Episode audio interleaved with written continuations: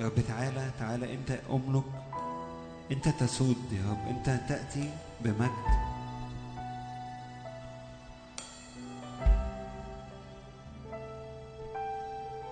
يا رب بعلن إن هذا المكان ملك ليك أنت.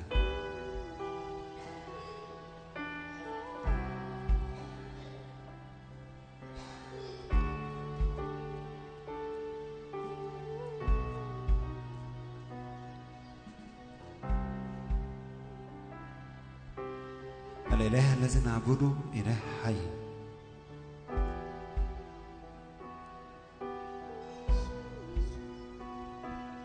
الإله الذي نعبده يسمع.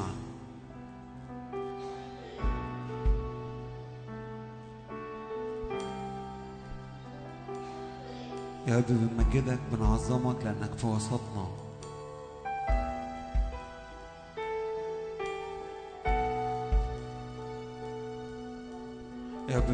يملأ المكان.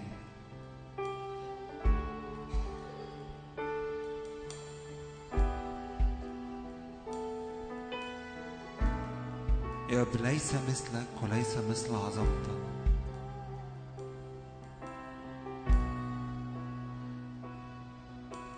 أشجعك إنك تتكلم معايا إنك تصلي.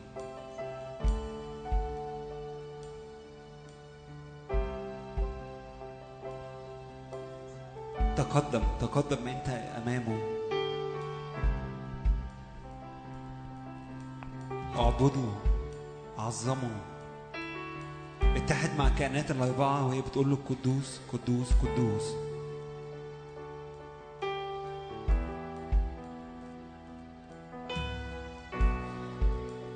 نعم يا رب نسأل مياه راحة تغمر المكان.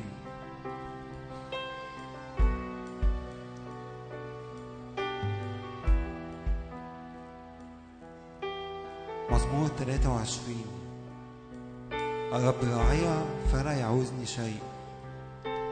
في مراع خد يربدني إلى مياه الراحة يردني. يرد نفسي يهديني إلى سبل البر. من أجل اسمه. أيضا إذا سرت في وادي ظل الموت. لا أخاف شرا لأنك أنت معي. عصاك وعكازك هما يعزيانني ترتب مائدة ترتب قدامي مائدة تجاه مدركية مسحت بالدهن رأسي كأس ريا إنما خير ورحمة يتبعنني كل أيام حياتي. وأسكن في بيت الرب إلى مدى الأيام. نعم يا رب جايين نتقدم أمامك. نسكن في بيتك كل الأيام.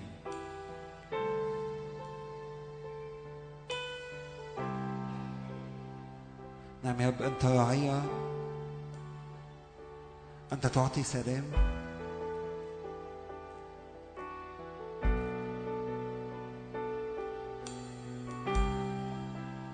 تعالى يا رب مياه راحة لكل واحد لكل شخص.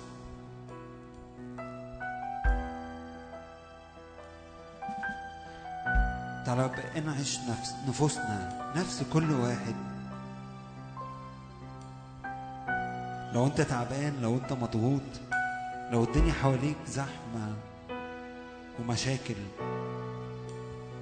رب يعطي سلام ويعطي راحة.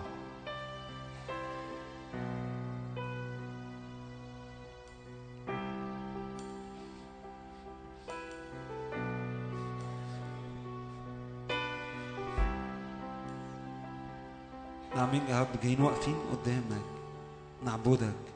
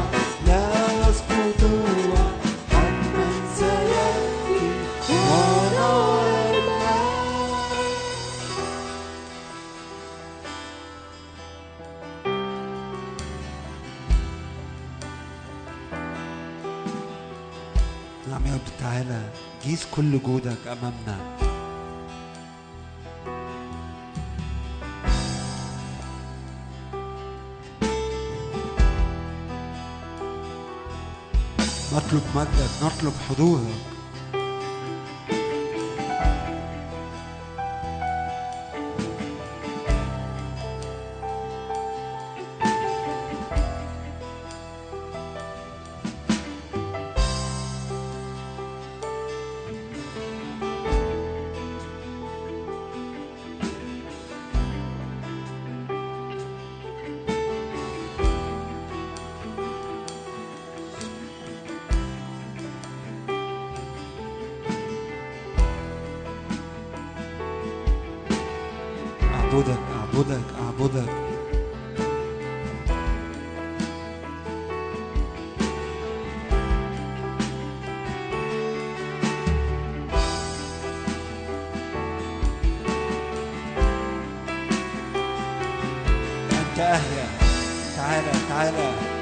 نطلب حضورك الذي أهيا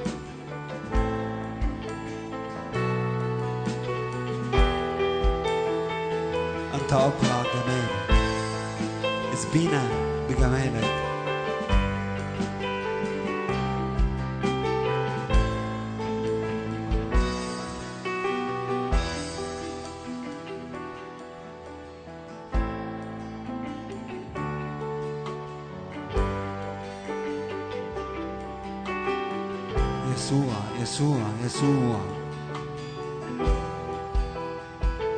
الأب جمال من كل بني البشر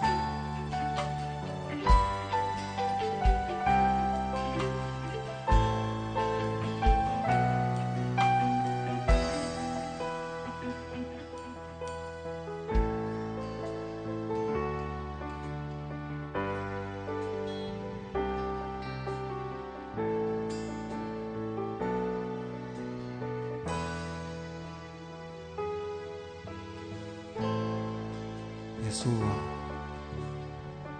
فيك الراحة فيك الكفاية.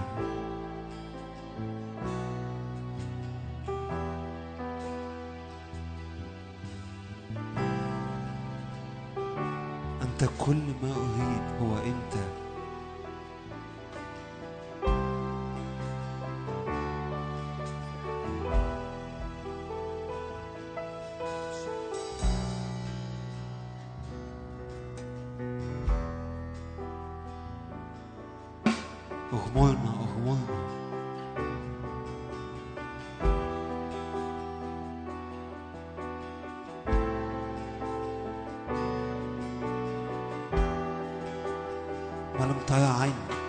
تسمع به أذن. ما أعده يا رب لهذا الشعب لهذا الجيل.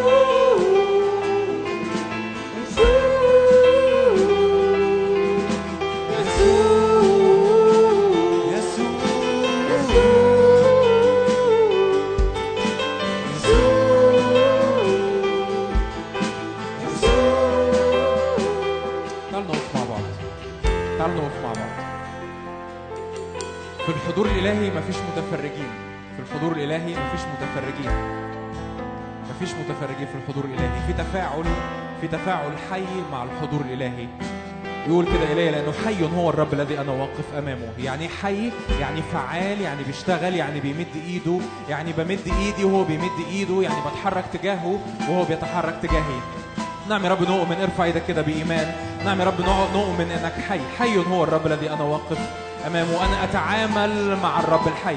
أتعامل مع الرب الحاضر في اسم الرب يسوع. مكتوب كده إنه دخلوا في السحابة ولم يروا أحد إلا يسوع وحده. ارتفع. يسوع ارتفع وسطينا. يسوع ارتفع وسطينا يسوع ارتفع علينا يسوع ارتفع في أجواءنا في اسم الرب يسوع. ممكن تبقى موجود في الاجتماع ومجرد بس كده متعب جسديا أو همدان أو حاسس إنه كتير قوي اجتماعين ورا بعض قول يا رب أنا بنفض كده من عليا. كل تعب جسدي في اسم الرب يسوع بنفض من عليا. كل تعب جسدي وبنفض من عليا. كل حالة نفسية قديمة وبنفض من عليا. كل حالة نفسية فيها فيها إحساس كده بالسلبية يا رب أنا بدخل إلى النار في اسم الرب يسوع. أنا بدخل إلى النار بدخل إلى السحابة وبدخل إلى النار في اسم الرب يسوع. بدخل إلى السحابة وبدخل إلى النار بتجاوب مع الحضور الإلهي لأن حقيقي في حركة من الروح القدس في حركة من الزيت الإلهي المنسكب قول له نعم يا رب أنا بستقبل نعمة فوق نعمة بستقبل نعمة فوق نعمة بستقبل قوة فوق قوة في اسم الرب يسوع. بستقبل سكيب إلهي جديد على حياتي في اسم الرب يسوع. يا رب نشكرك لأجل كل نعمة أنت سكبتها الاجتماع اللي فات لكن نؤمن أنك بتسكب أكتر وأكتر في اسم الرب يسوع. بتسكب نعمة أعلى بتسكب قوة أعلى بتسكب حضور أعلى في اسم الرب يسوع. بتسكب مسحة أعظم في اسم الرب يسوع. لأن ندخل إلى أراضي جديدة لأن الرب قال كده للشعب في العهد القديم. بقيت أراضي كثيرة جدا للامتلاك في اسم الرب يسوع. بقيت أراضي كثيرة جدا للامتلاك. فرب نمتلك أراضي جديدة في اسم الرب يسوع ونمتلك أراضي كثيرة في اسم الرب يسوع نمتلك أراضي مسحة أراضي قوة أراضي نعمة أراضي نهضة أراضي اختراق أراضي إيمان في اسم الرب يسوع أراضي انتفاضة من كل ضعف في اسم الرب يسوع. في اسم الرب يسوع. في اسم يسوع. اكذبنا أكتر وأكتر. أكتر وأكتر. اعلن تاني الكلمات. اكذبنا أكتر وأكتر. أكتر وأكتر بإيمان بإيمان.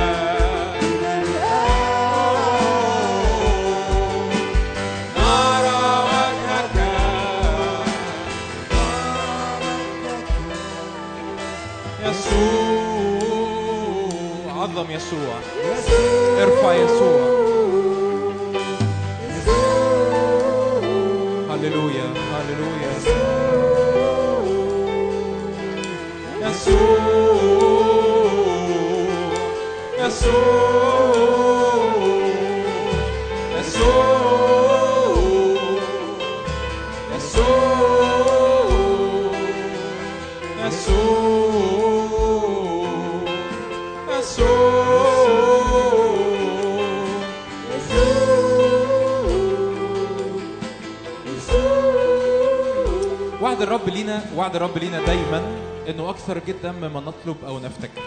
يعني إيه؟ يعني الرب دايما عنده أكتر من اللي أنت متوقعه. وعد الرب أكثر جدا مما نطلب أو إيه؟ أو نفتكر. الرب دايما عنده أكتر من اللي أنت متوقعه. ارفع معايا سقف توقعاتك. قول يا رب أنا لو أنت بتقول أكثر جدا مما نطلب أو نفتكر أنا بتوقع أكتر مما أطلب أو أفتكر. أنا بتوقع أكتر من اللي أنا متوقعه. أنا أكتر الرب للدخول أتوقع لدخول لاراضي جديدة لدخول لامتلاكات جديدة في اسم الرب يسوع. لامتلاك أمور في الروح لم أتوقعها لم تخطر على بالي في هذه الليلة في اسم الرب يسوع. الكتاب بيقول كده ما لم ترى عين ما لم تسمع به أذن ما لم يخطر على بال ما أعد الله للذين يحبونه لكن أعلنه لنا الله نحن بروحه. نعم يا رب نؤمن نؤمن نؤمن نؤمن في اسم الرب يسوع أنك تريد أن تسكب. ما لم ترى عين ما لم تسمع أذن ما لم يخطر على بال في اسم الرب يسوع. نؤمن أن يا رب نختبر ما لم ترى عين ما لم تسمع به أذن ما لم يخطر على بال في اسم الرب يسوع. تعامل مع الرب الحاضر تعامل مع الرب الحاضر. اتعاملي مع الرب الحاضر. نزفة الدم اتعاملت مع يسوع الحاضر. اتعاملت مع يسوع اللي في اللحظة. اتعاملت مع يسوع اللي في الزمن. اتعامل مع يسوع اللي حاضر. قول له نعم يا رب أؤمن إني لو مسست هد ثوبك شفيت. يا رب أنا مش جاي أحضر اجتماع. أنا مش جاي أحضر اجتماع. أنا مش جاي أسمع وعظة. أنا جاي أتعامل. كم حد هنا جاي يحضر اجتماع ويروح؟ بصراحة كده. أوكي اتفقنا. فأنت جاي تتعامل مع مين؟ جاي اتعامل مع مين؟ مع يسوع اللي حاضر. بس في وشوش كتير قدامي محسساني إن هي مش مميزة يسوع اللي حاضر. أنت محتاج تتعامل بإيمان مع يسوع اللي حاضر. يعني إيه؟ يعني حط نفسك مكان نزفت الدم، لو مسست هود بثوبه إيه؟ شفيت فأنا عندي إيمان أنا بكل يقين أنا بمد إيدي أنا بقول يا رب أنا مش عايز أفوت اللحظة إنجاز التعبير نزفت الدم خارجة من البيت تعبانة مجهدة أنفقت كل معيشتها على الاطباء الكثيرين ذهبت إلى حال أردأ. الدنيا زحمة حوالين يسوع لكن هي مميزة إن أنا مش هينفع أفوت الفرصة. فاهمين قصدي؟ فاهمين قصدي؟ فأنت مميز أنت موجه كل قلبك كل كيانك كل مشاعرك كل إيمانك كل عينيك عينيك مش على ال stage عينيك مش على المنبر عينيك مش على الخادم عينيك مش على أي حاجة. عينيك فقط على يسوع اللي حاضر. إن يا رب أنا لو مسست هدب ثوبك شفيت وأنا مش ناوي أفوت اللحظة. ليه؟ لأن عايز أؤكد ليك إن يسوع حاضر وسطينا. سواء حاسس أو مش حاسس هو وعد بكده. إن اجتمع اتنين أو ثلاثة فين؟ في اسمي فأنا أكون فين؟ فيسوع حاضر. يسوع حاضر. فاستغل الفرصة استغل الفرصة. يا رب ايا كان يا رب أي أمور أنا جاي محمل بيها. ايا كان امور يا رب أنا متوقعها. ايا كان يا رب أمور أنا منتظراها. ايا كان يا رب أمور في الخدمة في الشغل في البيت في الجسد في النفس في ظروف أنا بعدي بيها. يا رب أنا بتعامل الآن مع يسوع اللي حاضر في اسم الرب يسوع. معلش ارفع إيدك معايا مرة كمان. يا رب ارتفع وسطينا. يا رب ارتفع وسطينا. أنا محتاج يا رب أنا بطلبها كده. عارفين؟ في نوع من أنواع الصلوات اسمه اسمه صلاة التضرع. قول يا رب أنا بتضرع كده ليك. يا رب دخلني في السحابة. يمكن يا رب الظروف يمكن الدوشة يمكن التشويش يمكن حتى الإجهاد الجسدي مخليني مش قادر أتعامل مع يسوع اللي حاضر. يا رب دخلني في هذه الليلة في السحابة. فلا أرى أحد إلا يسوع وحده. لا أرى أحد إلا يسوع وحده. لا أرى أحد إلا يسوع وحده. يا رب لا نرى أحد. حد هنا عايز يتقابل مع حد تاني غير يسوع؟ حد هنا كان متوقع يتقابل النهارده مع حد غير يسوع؟ حد هنا جاي ناوي يطلب حاجة من شخص غير يسوع؟ اذا تعامل واعطش فقط ليسوع اللي حاضر. لأن يؤكد ليك يؤكد ليك إنه هو حاضر. يا رب إحنا جايين نتعامل مع يسوع الحاضر. جايين نتعامل مع يسوع وجها لوجه في اسم الرب يسوع. يسوع قال عن نفسه كده أنا هو خبز الحياة. من يقبل إلي فلا يجوع من يؤمن بي فلا يعطش إلى الأبد. دي معجزة. قول يا رب أنا عايز آكل من هذا الخبز. عايز آكل من الخبز النازل من السماء في اسم الرب يسوع. يا رب أنا أريد أن أتعامل مع يسوع اللي حاضر هللويا هللويا هللويا هللويا. يا رب لترتفع المية وسطينا. لترتفع المية. وسطينا وطلبتي مش بس لترتفع المية لأن المية بالفعل مرتفعة. لكن طلبتي إن إحنا نميز ارتفاع المية اللي وسطينا إن إحنا نميز الحضور الإلهي وسطينا في اسم الرب يسوع. نعم يا رب زي ما يعقوب قال كده إنه حقا إن الله كان في هذا المكان وأنا لم أكن أعلم. يا رب نريد أن نعلم أن الله في هذا المكان. نعم يا رب نريد أن نميز الله الحاضر في هذا المكان. الرب القدير الحاضر في هذا المكان. الرب الذي يريد أن يملأ الكل في الكل. يملأ جسدك يملأ نفسك يملأ مشاعرك يملأ ظروفك. مين يحب؟ مين يحب؟ قول له يا رب املا الكل في الكل. املأ الكل في الكل. ليكون يسوع هو الكل في الكل. ليكون يسوع هو الكل في الكل في الروح وفي الجسد وفي النفس وفي الشغل وفي البيت وفي الخدمة وفي الاحتياجات وفي الظروف وفي خروجي ودخولي. ليكون يسوع هو الكل في الكل. املى الكل في الكل. املى الكل في الكل. في اسم الرب يسوع. في اسم يسوع. هللويا. هللويا. هللويا. هللويا. هللويا. ارتفع. يسوع. يسوع.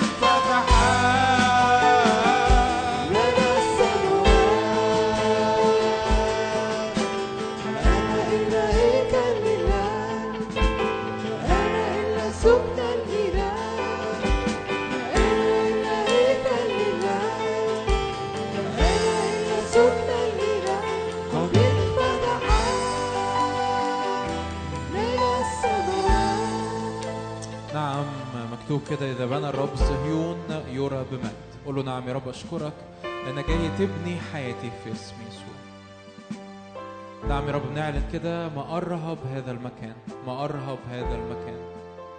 كل أكاذيب العدو تسقط على حياتك الآن في اسم الرب يسوع. كل تشويش كان على الأذهان هنا الوقت اللي فات في اسم الرب يسوع في اسم الرب يسوع يرفع بالكامل الآن على أذهان كثيرين في اسم الرب يسوع تشعر مرة واحدة كده إن في نور دخل في ذهنك في اسم يسوع أن أفكارك بقت حرة في اسم الرب يسوع كل تشويش كل ضبابية في الرؤية في اسم الرب يسوع كل أفكار اكتئاب كل أفكار خوف في اسم الرب يسوع ترفع بالكامل من علينا الآن في اسم الرب يسوع كل حد هنا شايف شايف مشهد كده كل كل حد هنا كان كان راح كشف وكان في مشاكل في الكلى فشل كلوي أو حصاوي في الكلى في اسم الرب يسوع. اؤمن بشفاء كامل الان في اسم الرب يسوع للكليتين في اسم الرب يسوع لأنه لأنه لا يعصر اعلن كده ارفع إيدك كده معايا اعلن كده لأنه لا يع... ده الدكتور قال لي الموضوع صعب. ارفع إيدك كده لأنه لا يعصر على الرب أمر في اسم الرب يسوع. لا يعصر على الرب أمر في اسم الرب يسوع. في اسم الرب يسوع في اسم يسوع اي مشاكل في المثانه اي مشاكل في الحالب في اسم الرب يسوع شفاء كامل الان في اسم الرب يسوع لا حصاوي في اسم الرب يسوع لو الحصوه ما ينفعش تعدي الا الا قال لك دي حصوه كبيره ما ينفعش تعدي بسهوله في اسم الرب يسوع شفاء كامل في اسم يسوع الرب يفتت الحصاوي في اسم الرب يسوع في اسم الرب يسوع في اسم الرب يسوع كل مشاكل في الظهر اسفل الظهر في اسم يسوع كل مشاكل في العمود الفقري في اسم الرب يسوع نار الرب الان تلمس في اسم الرب يسوع العضلات القطنية في اسم الرب يسوع العمود أسفل العمود الفقري كل مشاكل في الأعصاب كل مشاكل في اسم الرب يسوع في النخاع الشوكي في اسم الرب يسوع شفاء كامل الان على العمود الفقري على ظهرك على عضلات ظهرك في اسم الرب يسوع. استقبل بإيمان استقبل بإيمان. استقبل. يعني استقبل بايمان يعني يقولوا أيوه يا رب. يس أؤمن. أيوه يا رب ده ليا. أيوه يا رب ده ليا. دي مش صلوه كده معدية طايرة في الهواء لو أنت بتشاهد حتى أو بتسمع بعدين نعم يا رب أيوه ده ليا. أيوه ده بتاعي. أيوه يا رب زي ما الأعمى جري ورا يسوع قال له قال له أيوه يا رب ده ليا. أيوه يا رب هذا الأمر ليا. شفائك ليا حياتك ليا في اسم الرب يسوع. في اسم الرب يسوع. أي حد هنا موجود بيصلي لأجل لأجل حد؟ يمكن مش موجود وسطينا بس انت بتصلي لاجل حد طفل أو أو شخص بيجي له نوبات صرع. في اسم الرب يسوع أنا أؤمن حرية كاملة الآن في اسم الرب يسوع من كل نوبات صرع وكل كهرباء زيادة في المخ في اسم الرب يسوع. كل مشاكل في الأعصاب في المخ كل كهرباء زيادة في المخ كل نوبات صرع كل بؤر صرع في المخ في اسم الرب يسوع. شفاء كامل الآن. نار الرب الروح القدس توصل له أينما كان هذا الشخص. نار الرب الروح القدس توصل له أينما كان هذا الشخص في اسم الرب يسوع. هللويا. هللويا. كل سيدة هنا كل سيدة هنا واقفة لأجل بيتها واقفة لأجل زوجها لأن في مشاكل ممكن توصل لدرجة انفصال. في اسم الرب يسوع رفع إيدي معاكي. في اسم الرب يسوع سلام على بيتك. سلام على بيتك الآن. في اسم الرب يسوع لا انفصالات. ما تسألش. السؤال ده ما تسألوش. هو مشيئة الرب ننفصل ولا لا؟ ده سؤال مش كتابي بالمرة. ما جمعه الله لا يفرقه إنسان. في اسم الرب يسوع بعلن سلام على بيتك سلام على زواجك في اسم يسوع سلام على جوزك على أولادك في اسم الرب يسوع. هللويا. هللويا هللويا. تعالوا نقف مع بعض مرة أخيرة اقف معايا مرة أخيرة نتحد في صلوة جماعية. يا رب خروج من تحت كل آه، غطاء عيافة وعرافة في اسم الرب. ارفع إيدك ارفع إيدك. يا رب نعلن بسلطان خروج جماعي. من كل من تحت كل غطاء عيافة وعرافة في اسم الرب يسوع. على الأقصر على كنيستك في الأقصر على أولادك. يا رب خروج جماعي من يا رب تحت كل غطاء. يا رب عيافة وعرافة في اسم الرب يسوع. لا عيافة على إسرائيل ولا عرافة على شعبي. هكذا قال الرب في اسم الرب يسوع. هللويا. هللويا. هللويا. يا رب نؤمن بحركتك علينا حركتك وسطينا في هذه الليلة في اسم الرب يسوع. اعلن كده معايا يا رب تمم كل عملك فينا. كل ما تريد أن تصنع اصنعه مجرد بس. يا رو- يا روح الله لك الصلاحية. إنك تتمم كل ما تريد أن تصنعه في هذه الأرض كل ما تريد أن تصنع في أراضينا كل ما تريد أن تصنع في حياتنا. تمم عملك فينا في اسم الرب يسوع. تمم عملك في هذه الأرض في اسم الرب يسوع. في اسم يسوع. في اسم الرب يسوع. يا رب نحبك ليزداد حضورك فينا وعلينا. لكل المجد في اسم يسوع في اسم الرب يسوع. آمين. آمين. في اسم يسوع. آمين. آمين. آمين. آمين. مساء الخير. مساء الخير. أهلا بيكم مرة كمان. شرف ليا إن أنا أكون موجود معاكم النهارده في هذا اليوم الخاص. آه، مبسوط إني أشوف وشو- وشوش كتير أعرفها واهلا بكل الوشوش ما اعرفهاش وشرف لينا الحقيقة شرف لشخص ليا وشرف لكل الفريق إن إحنا نكون آه، موجودين في هذه الأرض الغالية على قلب الرب وغاليه علينا. آمين. جوايا كذا حاجة عايز أبتدي بيها قبل ما نبتدي في الكلمة. كذا حاجة ربنا الرب شغلني بيها. العبادة مهمة قوي قوي قوي في الأرض دي. عبادة مهمة عموما آه، مهمة جدا العبادة. لأن العبادة جزء مهم من دعوة الرب على أرض مصر. أنا اسمي جون مبدئيا اللي ما يعرفنيش.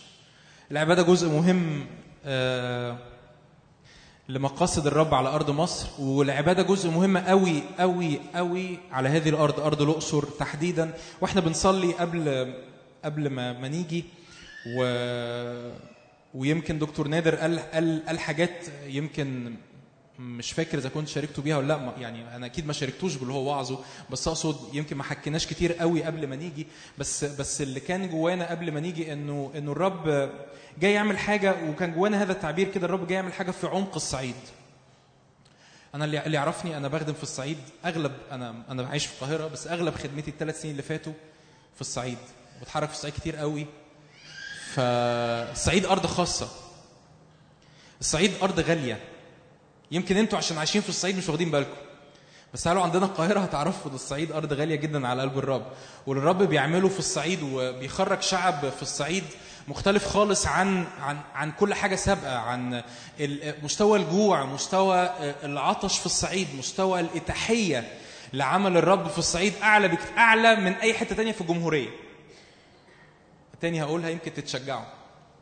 مستوى العطش مستوى الجوع لعمل الرب ومستوى الإتاحية لعمل الرب في الصعيد أعلى من أي أرض تانية على مستوى الجمهورية.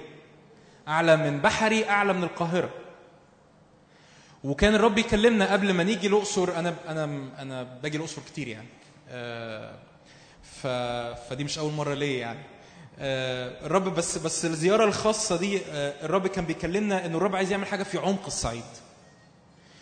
فالكلام اللي كان دكتور نادر بيقوله إنه الأقصر أرض خاصة ما كانش يمكن أنا ما قلتلوش الكلام ده يمكن ما تشاركناش مع بعض بس إحنا مدركين ان إن الرب عامل focus عامل spotlight عامل عامل نور كده كشاف قوي على الأقصر تحديدا والرب عايز يبارك بهذه الأرض عايز يبارك أسوان وعايز يبارك قنا عايز يبارك نجع حمادي عايز يبارك كوم أمبو الرب عايز يبارك بهذه الأرض أرض مصر كلها.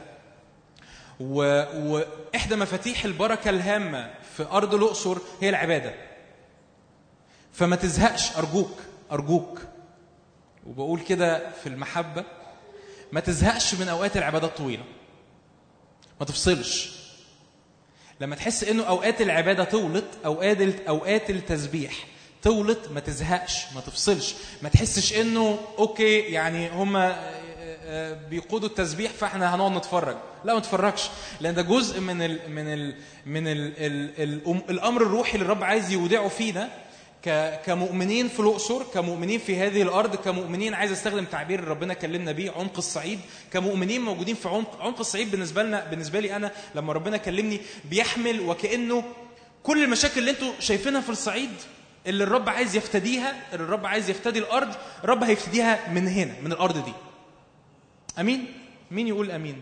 امين. رب عايز يفتديها من الأرض دي واحدى المفاتيح الهامه هي العباده العباده اوقات طويله علشان كده أنا اعرف كتير من الموجودين. عشان كده ربنا بيقيم عابدين كتير في الاقصر بالتحديد. يعني أكتر من مس- مسحات وهبات تانية موجودة في الأقصر من أكتر ال- ال- المسحات والخدمات اللي موجودة في الأقصر هي العبادة. وربنا عايز يطلق عابدين أكتر. وعلشان كده برضو الحرب على العابدين تحديدا زيادة. نعمل إيه طيب؟ إيه الحل؟ أيوه نعبد أكتر. نعبد أكتر ونصلي أكتر ونسبح أكتر ونقف في الثغرة أكتر وعلى أسوارك يا أورشليم. اقمت إيه؟ حراسا لا يسكتون كل النهار وكل الإيه؟ الليل لأن هي دي مشيئة الرب الأرض. الرب عايز يخرج عبادة. الرب عايز يخرج عبادة أعلى من أي عبادة بتقدم لآلهة أخرى. عايز يقدم عبادة أعلى من كل عبادة ب... ما... وما ما ترميش بقى عبادة آلهة الأخرى عشان إحنا في الأقصر ففي معبد الكرنك ومع... مش ده اللي أقصده قوي لأنه لأن إحنا في القاهرة برضو عندنا آلهة أخرى. ما هياش. ما هياش التماثيل وال... وال... والأهرامات نو no. الفلوس والنجاسة والزنا والأنا صح ولا إيه محبة المال وتعظم المعيشة وشهوة الجسد هي دي الآلهة الأخرى اللي الر- اللي الرب في العهد الجديد بيقف ضدها فالرب عايز يخرج دايما عبادة الرب الرب عايز يخرج دايما عبادة ضد الانحصار في الذات الرب دايما عايز يخرج عبادة ضد التفشيل انه إنه أنا إن أنا إنجاز التعبير جوايا إله بيقول لي انت متفشل فما تعبدش. فأنا بختار عكس هذا التفشيل إني أعبد. إن في إله إله اللي هو إبليس اللي الكتاب بيقول عنه إله هذا الدهر بس بس مش بيعمي أذهاننا إحنا. ولا إيه؟ هو يعمي أذهان غير الإيه؟ مش عارفين الآية؟ إله هذا الدهر أعمى أذهان إيه؟ غير الإيه؟ لكن المؤمنين أخبارهم إيه؟ لا ده ده أنار لهم معرفة مجد الله في وجه مين؟ يسوع المسيح فإحنا عينينا إحنا عينينا شايفه إحنا مش مش معميين. فإله هذا الظهر يجي يقول لك ما اتفشل احبط ما خاف ارجع لورا تراجع ما تتقدمش للأمام. وأنت ببساطة بمنتهى السهولة زي ما كان دكتور نادر الصبح بيحكي على دانيال أنت ببساطة أنت ما عندكش حل غير إنك تفتح كواك ناحية أورشليم. وتعبد في اليوم ثلاث مرات إنجاز التعبير. وأنت في العهد الجديد مش بتعبد ثلاث مرات أنت في العهد الجديد أنت بقيت هيكل للروح الإيه؟ القدس. يعني أنت أنت شغال عبادة طول الوقت. شغال عبادة طول الوقت مش معنى كده إني لازم طول الوقت أرنم. لكن أنا عارف إنه هو لما الرسول بولس يقول إن كنتم تأكلون أو تشربون أو تفعلون شيء فافعلوا كل شيء لمجد الله. هي دي عبادة ولا مش عبادة؟ عبادة. عبادة ولا مش عبادة؟ مش عارفين. عبادة ولا مش عبادة؟ عبادة فالعبادة مش ترانيم بس. إني بعمل كل شيء لمجد الله إني بروح شغلي لمجد الله إني بربي عيالي لمجد الله إني بروح ال ال الكلية لمجد الله إني بتعامل مع صحابي لمجد الله إني واقف على المنبر بخدم لمجد الله أو راكب ال الأتوبيس راجع القاهرة لمجد الله. كل شيء لمجد الله. فأنا هيكل متحرك الأرض بتتبارك بسبب مجد الله اللي بيأتي على إيه؟ على حياتي. ليه؟ لأنه العبادة شغالة طول الوقت والعبادة بتفتدي الأرض. أمين؟ ف... فأرجوك يقول لك كده إيه رجاء في المسيح رجاء في رجاء في المحبة.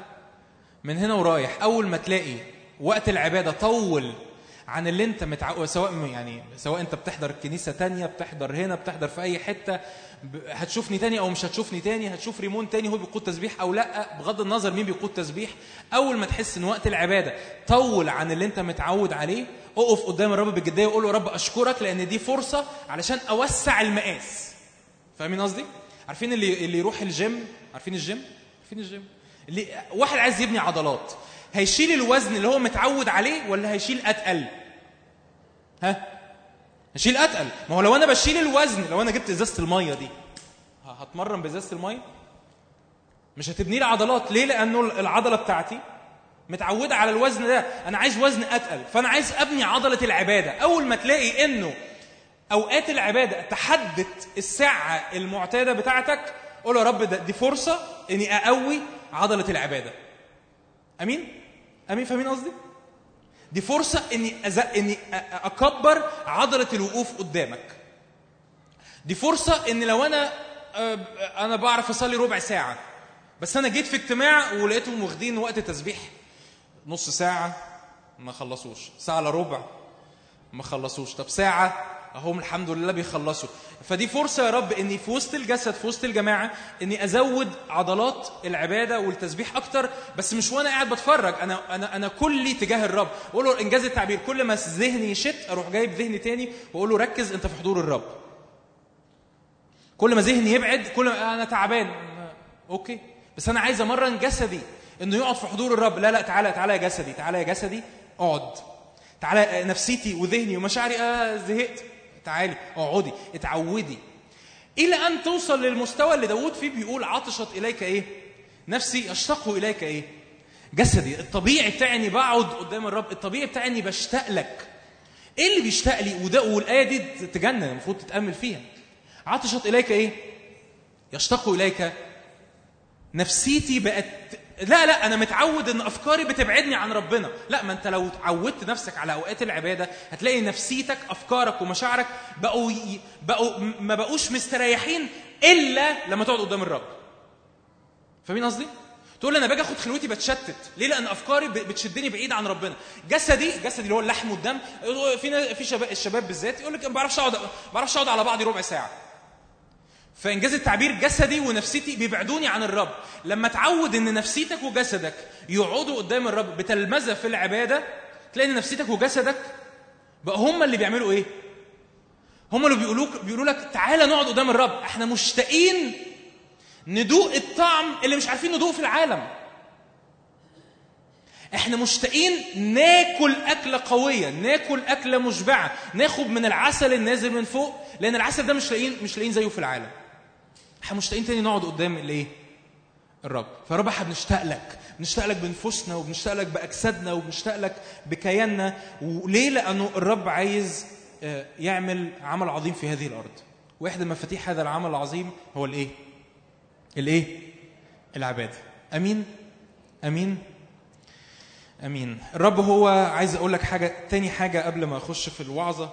والوعظة ثلاث نقط واضحين سهلين وهنصلي. يسوع هو الخبز النازل من السماء. يعني إيه؟ يعني هو اللي محتاج تاكله طول الوقت. أنت محتاج تاكل يسوع طول الوقت. من يقبل إلي فلا فلا إيه؟ يجوع. ومن يؤمن بي فلا يعطش إلى الأبد. طب ما إحنا بنجوع. ليه بنجوع؟ لأن بندور على خبز غيره. بندور على خبز غيره. والرب يسوع يقول كده أنا هو الخبز النازل من الإيه؟ من السماء. ابائكم يقول كده في يوحنا 6 من أروع الاصحاحات اللي ممكن تأمل فيها يقول كده ابائكم أكلوا المن في البرية وإيه؟ وماتوا. ابائكم ليس موسى أعطاكم الخبز من السماء بل أب بل, بل اب الذي من السماء يعطيكم في كل حين الخبز الحي النازل من السماء. ابائكم أكلوا المن في البرية وماتوا. ابائكم أكلوا المن أكلوا طعام جسدي. دوروا ومشيوا ورا زي ما بيقولوا في يوحنا 6 الطعام البائد. مشيوا ورا أمور جسدية وماتوا. لكن يقول كده من يقبل الي فلا يجوع من يؤمن بي فلا يعطش إلى الأبد من يأكلني يقول كده في كمالة الآيات لما يقول جسدي ماكل حق ودمي مشرب حق يقول كده من يأكلني يحيا إلى الإيه؟ إلى الأبد. ده عكس الأباء اللي أكلوا المن في البرية وماتوا. يعني إيه ببساطة؟ يعني كل يسوع طول الوقت. اقعد قدام الرب طول الوقت. اقعد اشبع قدام الكلمة طول الوقت. طب أنا أنا أنا أنا أنا أنا حاسس إن أنا حاسس ليه ليه ليه نفسياتنا بتضعف وبتخور في الطريق وبنحس إن إحنا مستنزفين وبنحس إن إحنا تعبانين ومستنزفين حتى من الخدمة ومستنزفين حتى من العلاقات مع المؤمنين ومستنزفين من الكنيسة ليه؟ عشان ما بناكلش ما بناكلش طب ناكل مين؟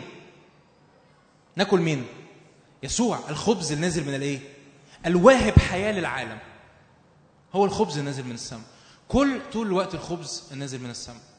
اقعد طول الوقت قدام الرب. قول يا رب اشبع اشبع جسدي واشبع نفسيتي واشبع مشاعري واديني قوة اني أعدي كل كل كل حتة أنا فيها حسيت إني بخور في الطريق. كل حتة أنا حسيت إني بضعف. كل حتة أنا حاسس إن أنا مش قادر أكمل أستمر للأمام. يا رب أنا أنا أنا عايز آكل دايما من هذا الخبز. السامرية السامرية كانت ناصحة جدا. حد عارف السامرية؟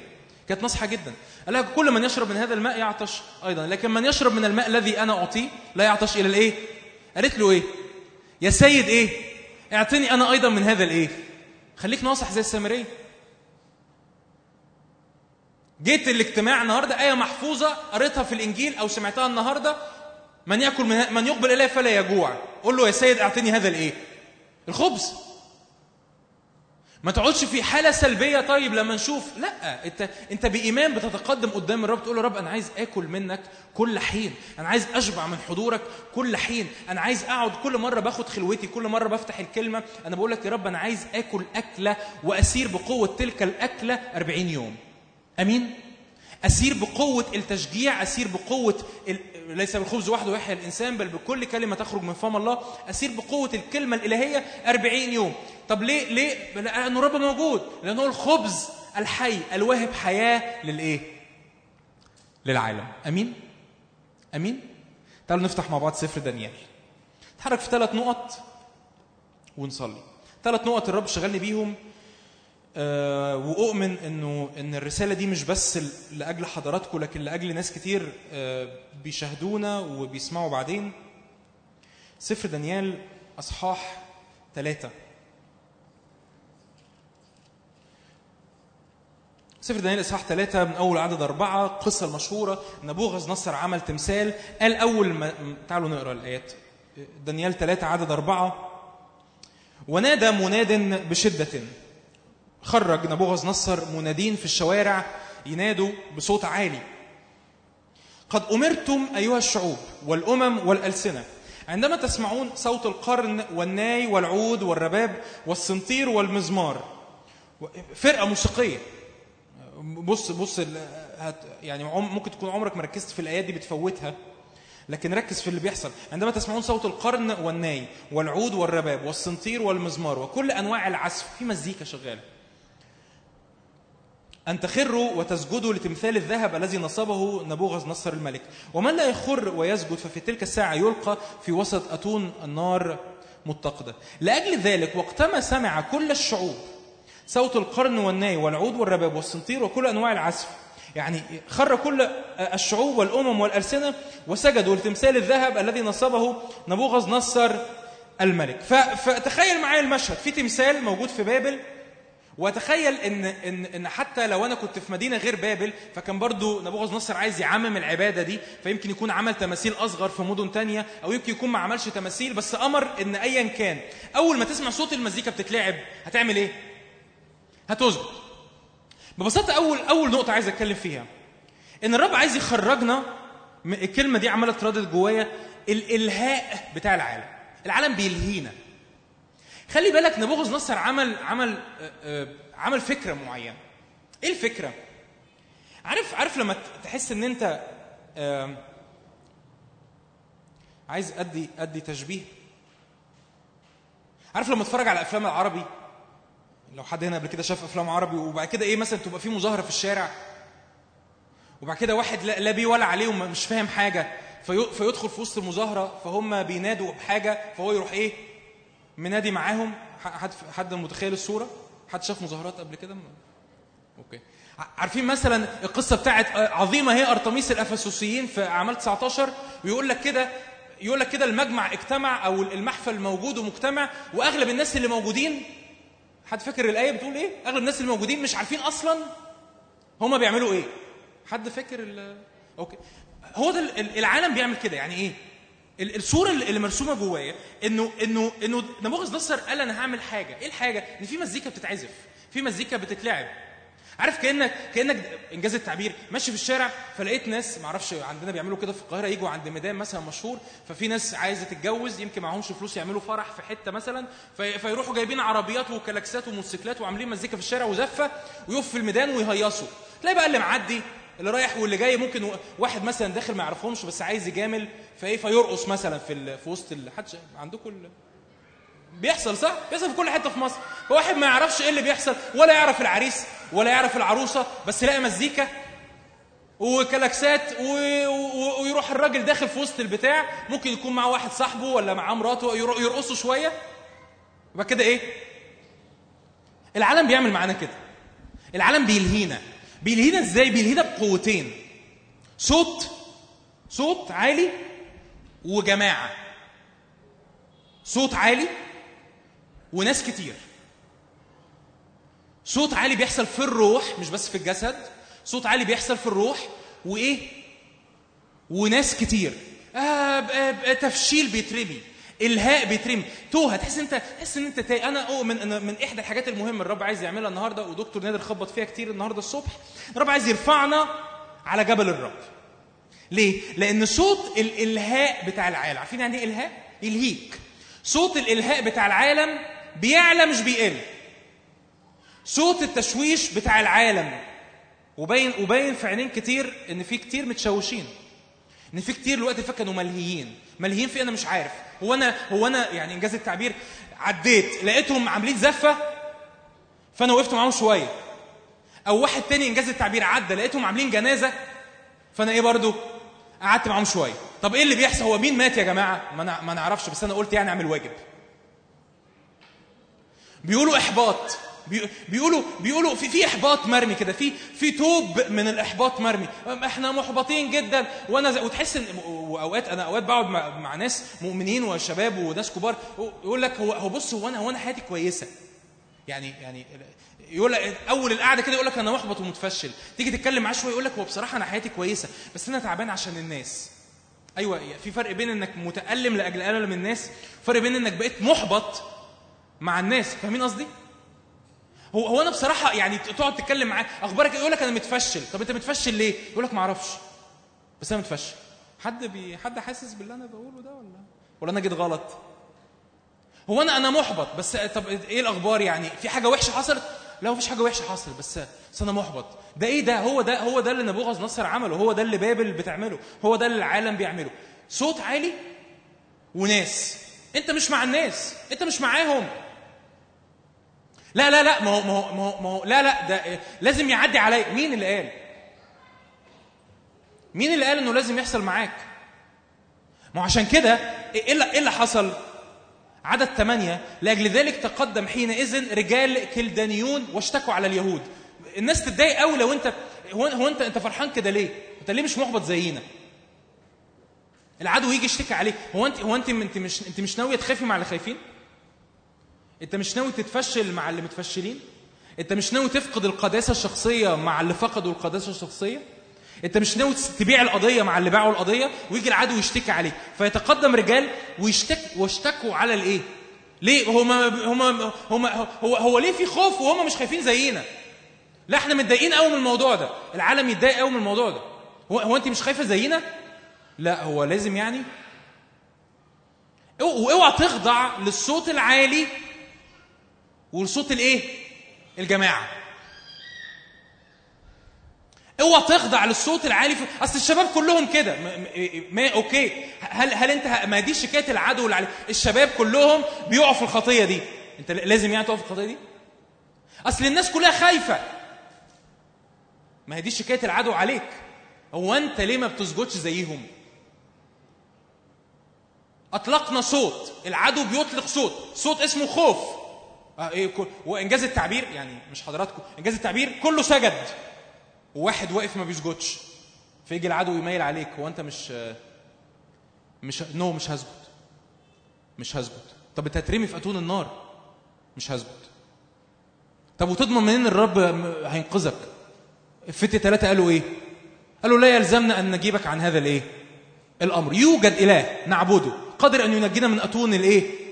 وإلا ولو ما أنقذناش لا نسجد لآلهتك التي صنعت. هو انت مش مش مش هتضطرب مش. مش هتسيب خدمتك مش هتسيب مكانك مش هتسيب التبعية مش هتسيب النار. مش ناوي تعيش عادي هو يعني هو المفروض يعني أنا كان بيتقال لي كده زمان لما كنت في جامعة آه يعني انت شوية كده إن شاء الله وتهدى وربنا يهديك. ويعني وتعقل كده وتهدى. وشغل الحماس والحرارة الروحية اللي انت فيه ده إن شاء الله يهدى هو لازم يعني هو لازم يعني والحقيقة اللي اكتشفته إن كل ما الواحد بيكبر في العلاقة مع الرب كل ما الحرارة الروحية المفروض تعمل إيه؟ تزيد مش تقل.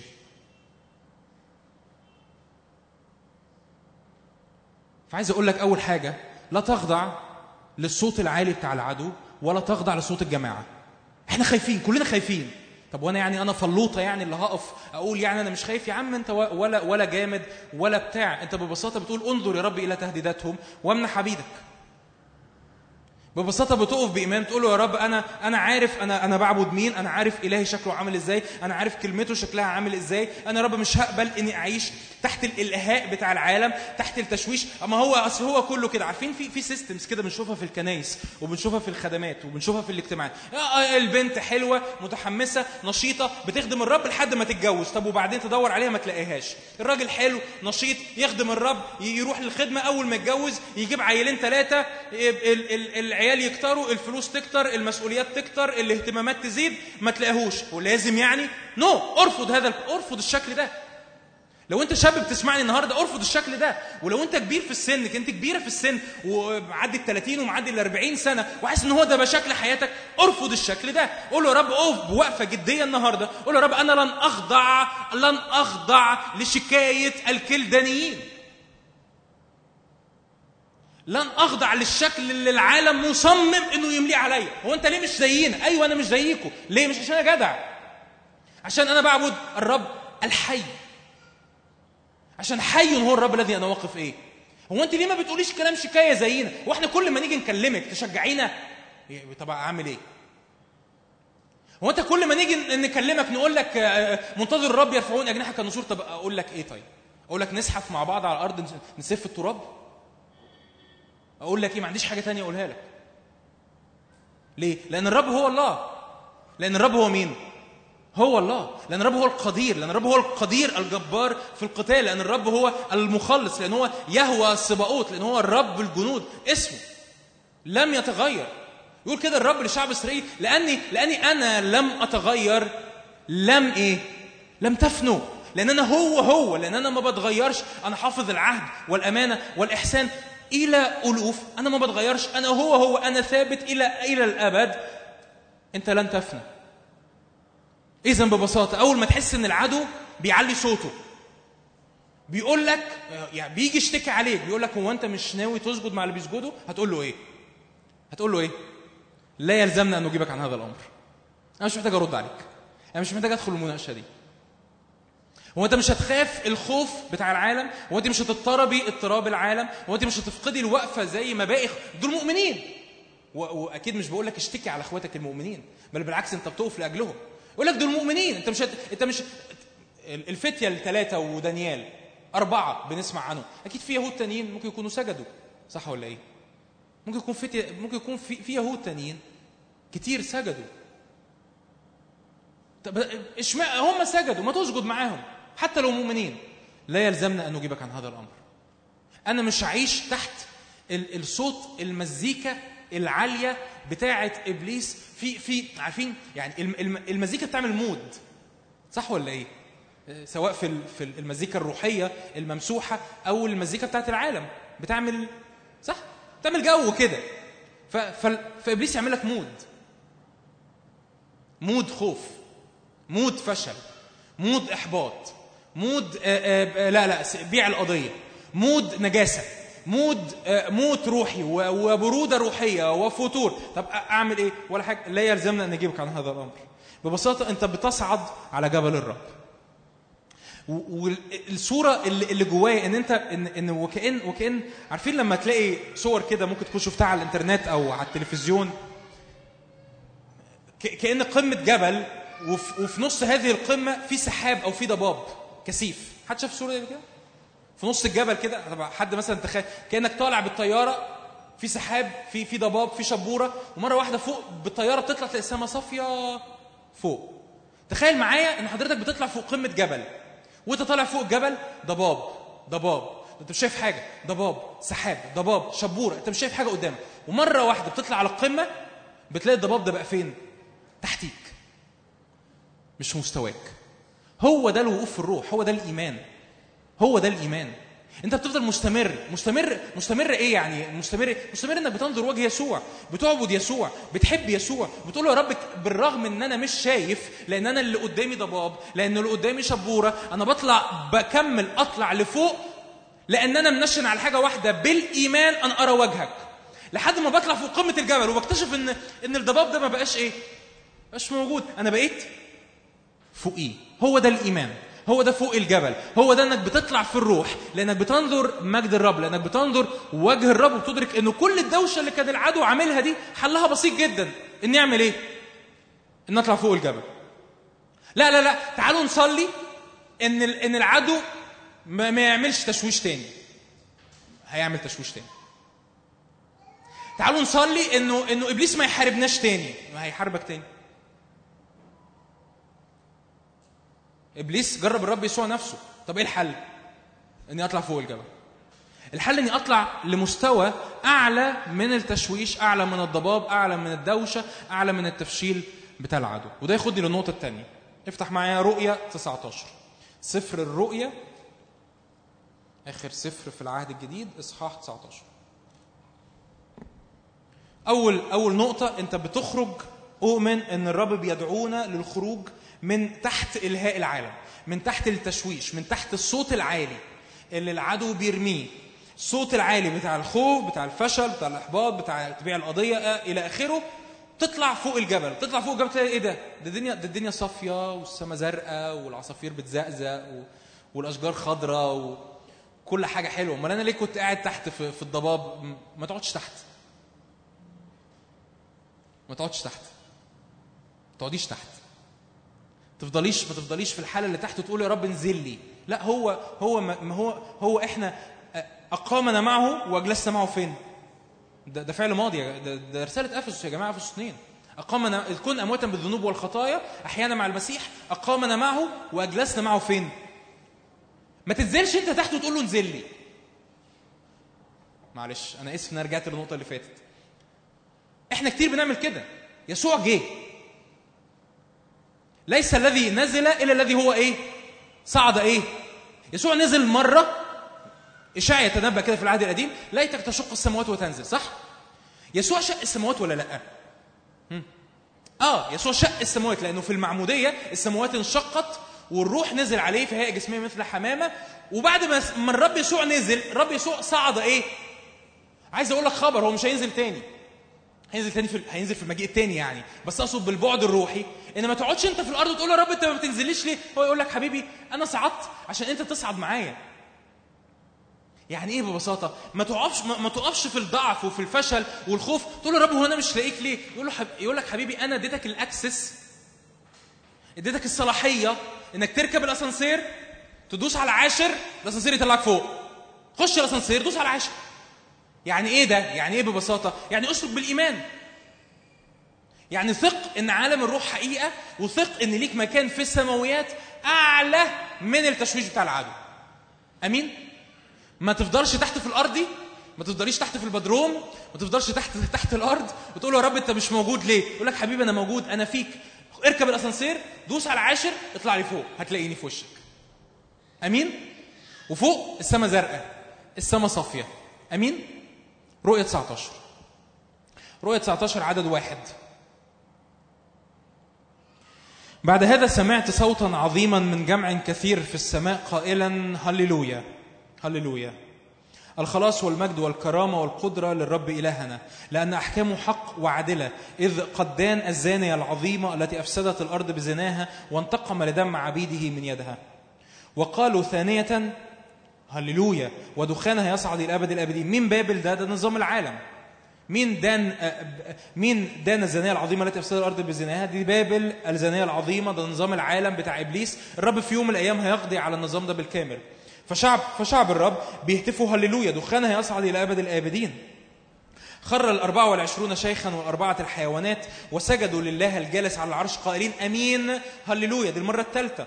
خرج من العرش صوت قائلا سبحوا لإلهنا يا جميع عبيده الخائفيه الصغار والكبار. وسمعت كصوت جمع كثير وكصوت مياه كثيرة وكصوت رعود شديدة قائلة هللويا لأن عرس الخروف قد جاء. وامر... سوري هللويا فإنه قد ملك الرب الإله القادر على كل شيء. لنفرح ونتهلل ونعطيه المجد لأن عرس الخروف قد جاء وامرأته هيأت نفسها أعطيت أن تلبس بزا نقيا بهيا لأن البز هو تبررات القديسين عايز أقول لك خبر. هذا الإصحاح هو الإصحاح الوحيد اللي في العهد الجديد اللي بتذكر فيه كلمة هللويا. وبتتقال كم مرة؟ أربع مرات. العهد الجديد كله ما فيهوش كلمة هللويا ما فيهوش هتاف هللويا إلا في هذا الإصحاح إصحاح رؤية 19 ده معناه إيه؟ ده معناه ببساطة إنك لازم تملى عينيك بإدراك إن ملكوت الرب حقيقة وملكوت الرب لازم هينتصر. محدش قال هللويا. هللويا. ملكوت الرب حقيقة وملكوت الرب لازم إيه؟ ينتصر، لازم لازم طب أعمل إيه ده يعني طب ده هتقولي ده في اليوم الأخير هتقولي ده في المجيء الثاني أقول لك أيوه ده في المجيء الثاني بس الصورة بتاعة المجيء الثاني بتملاك حقيقة واقعيه النهارده عارفين لما يقول لك يعني إخواتنا يقول لك اعمل لآخرتك؟ حط حط إنجاز التعبير آخرتك قدام عينيك. إيه آخرتي يعني؟ أروح السماء مش هو مش ده اللي أقصده.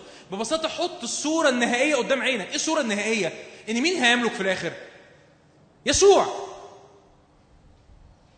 يسوع إنه دان الزانيه العظيمة. هللويا. قد ملك الرب الإله القادر على كل شيء. سبحوا لإلهنا يا جميع. عبيده ملك الرب الإله القادر على كل شيء. نفرح ونتهلل ونعطيه المجد.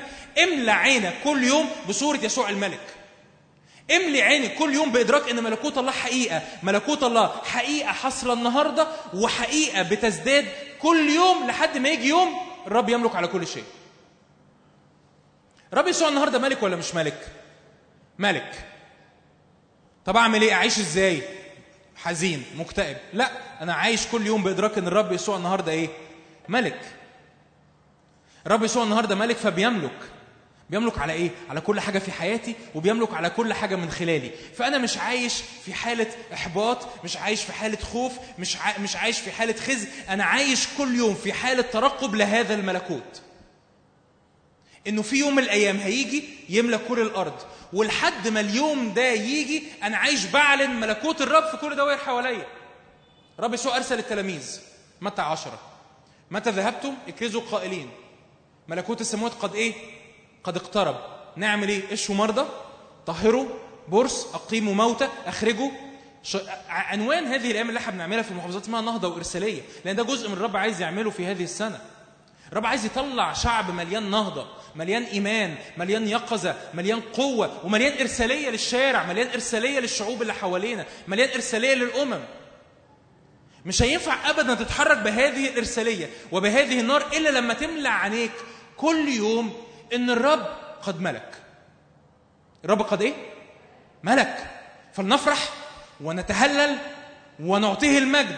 في يوم من الأيام تعتق الخليقة من عبودية الفساد. الخليقة كلها هتتفك من القيد. الخليقة كلها هتتفك من الفساد. الخليقة كلها الموت والخطية وإبليس القبضه بتاعه الموت والخطية والإبليس هيتكسروا بالكامل في يوم من الأيام. طب وأنا دوري أعمل إيه النهارده؟ قاعد مستني عارفين انتظار سلبي؟ عارفين يعني أنا قاعد كده حاطط إيدي على خدي.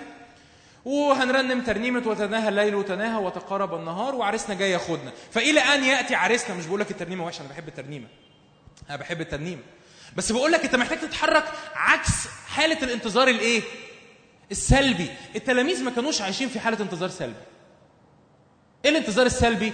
آه ملكوت الله جاي فإحنا مستنيين الرب يجي علشان ياخدنا معاه ويملك. عايز أقول لك آه الرب الرب جاي ملكوت الله جاي بالكامل. لكن سالوه كده الفريسيين متى يأتي ملكوت الله؟ رب يسوع قال لهم إيه؟ لا يأتي ملكوت الله بإيه؟ بمراقبة. ها ملكوت الله فين؟ داخلكم. ملكوت الله هنا.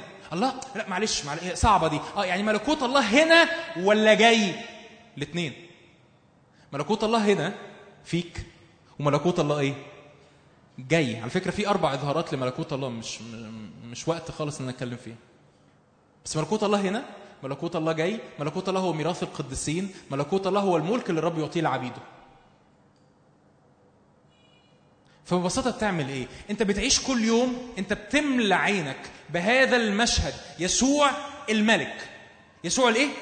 الملك. يسوع اللي هيجي في يوم كل في يوم من الأيام يبيد كل أعدائه يدين الزانية العظيمة بي- بيبيد العالم النظام بتاع العالم النظام الفاسد بتاع إبليس الخطية الموت بيعتق الخليقة. طب وأنا عايش كل يوم بعمل إيه؟ يا رب أنا مستنيك تيجي تحررني. يقول لك حبيبي ملكوت الله في وسط العالم مش معلن لكن فيك فيكي مين هنا الروح القدس فيه؟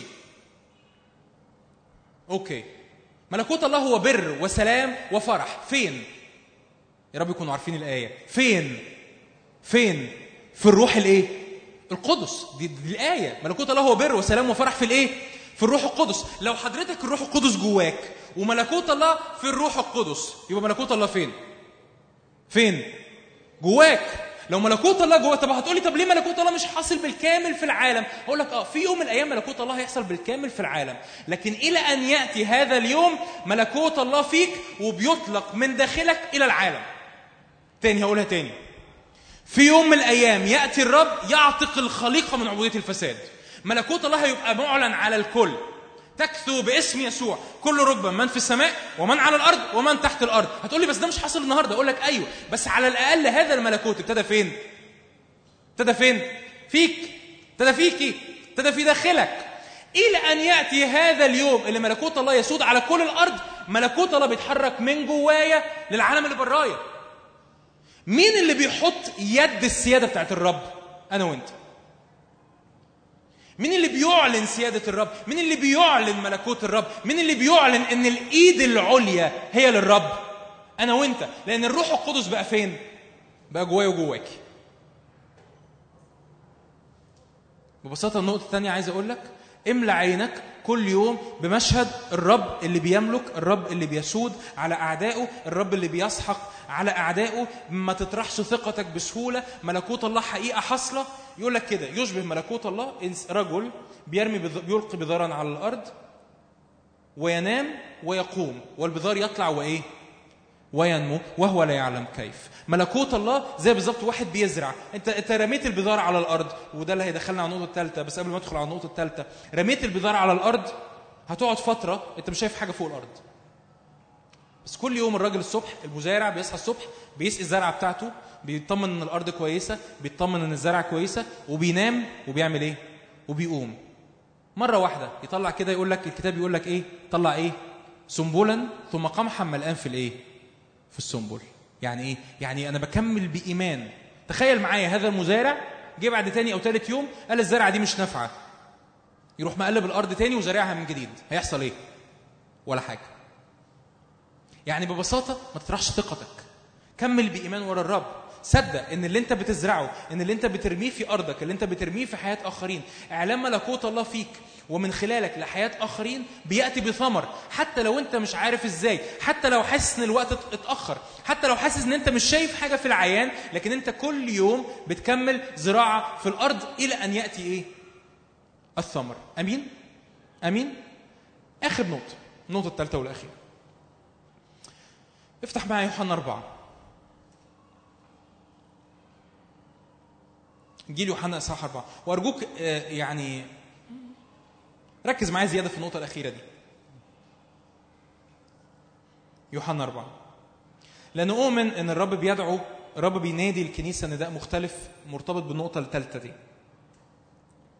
يوحنا أربعة عدد عدد 34 الرب يسوع بعد بعد الحديث مع السامرية تلاميذه بيقولوا له كل يا معلم. قال لهم أنا أنا شبعان طعامي أن أعمل مشيئة الذي أرسلني وأتمم عمله. أما تقولون أنه يكون أربعة أشهر ثم يأتي الحصاد؟ ها أنا أقول لكم ارفعوا أعينكم وانظروا الحقول انها قد ابيضت الحصاد. الحاصد يأخذ أجرة ويجمع ثمرا للحياة الأبدية لكي يفرح الزارع والحاصد معا. لأنه في هذا يصدق القول.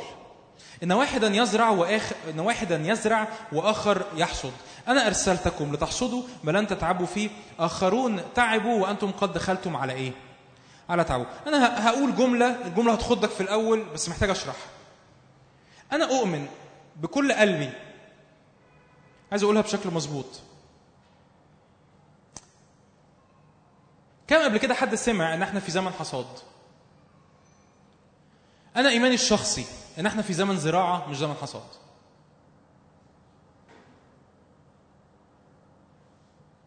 عايز أقول جملة وهشرحها. الكنيسة في بلدنا زرعت قليل فحصدت قليل. وأنا بتكلم على حصاد النفوس أنا مش بتكلم على اي مش بتكلم دلوقتي على حياتك الشخصية مش بتكلم على حصاد الوعود. أنا بتكلم زي ما الرب هو الرب يسوع في يوحنا أربعة كان بيتكلم عن حصاد إيه؟ عن حصاد إيه؟ النفوس. الرب يسوع في يوحنا أربعة بعد السامرية وبعد ما السامريين قبلوه كان بيتكلم عن حصاد النفوس. فأنا بتكلم عن حصاد النفوس. أنا مش بروح عن الآية مش بكلمك عن حصاد الوعود عن حصاد البركات أنا مش بكلمك عن كده خالص. أنا بتكلم عن حصاد النفوس. أنا أؤمن إيماني الشخصي القلبي العميق وهحاول أشرح لك على قد ما أقدر على قد الوقت إن إحنا في زمن زراعة مش في زمن حصاد. خضتكم كان نفسي تتخض هل الأزمنة اللي فاتت على مدار السنين اللي فاتت شفنا حصاد للنفوس؟ آه شفنا أنا شفت شفت كتير. من القريب والبعيد. من الحظيرة وخارج الحظيره لكن النسبة كانت قليلة. ليه؟ لأن الحصاد هو نسبة وتناسب مع الزرع. ببساطة الحصاد كمية الحصاد هو نسبة وتناسب مع الإيه؟ مع الزرع. أنا بزرع فدان آه، هرمي بذار هحصد فدان. أكيد الحصاد الفدان أكيد عدد البذار اللي في فدان الحصاد أكتر بكتير من عدد ال- البذار اللي في الزرع اللي أنا زرعته فاهمين قصدي؟ لكن هو برضو في الآخر إيه؟ فدان. زرعت فدان هحصد. هتقولي طب وفين النعمة؟ طب وفين المعجزة؟ وفين الرب ما هو الرب يسوع ما كانش عنده نعمة وما كانش عنده معجزة وما كانش عنده إلى آخره. الرب يسوع بيتكلم بوضوح. بيقول علشان تحصد لازم يكون في واحد قبلك عمل إيه؟ زرع. في هذا يصدق القول. في هذا يصدق بص يمكن اللي أنا بقوله ده غريب على ودانك أو أو أو أو ضد ال- التيار إنجاز التعبير. بس هو ده الرب مث- مثقلني بيه مش بس لاجتماعنا النهارده لكن كل حد بيستمع ولأجل الكنيسة في مصر. فأنا لقيتها فرصة إني أشارك ده.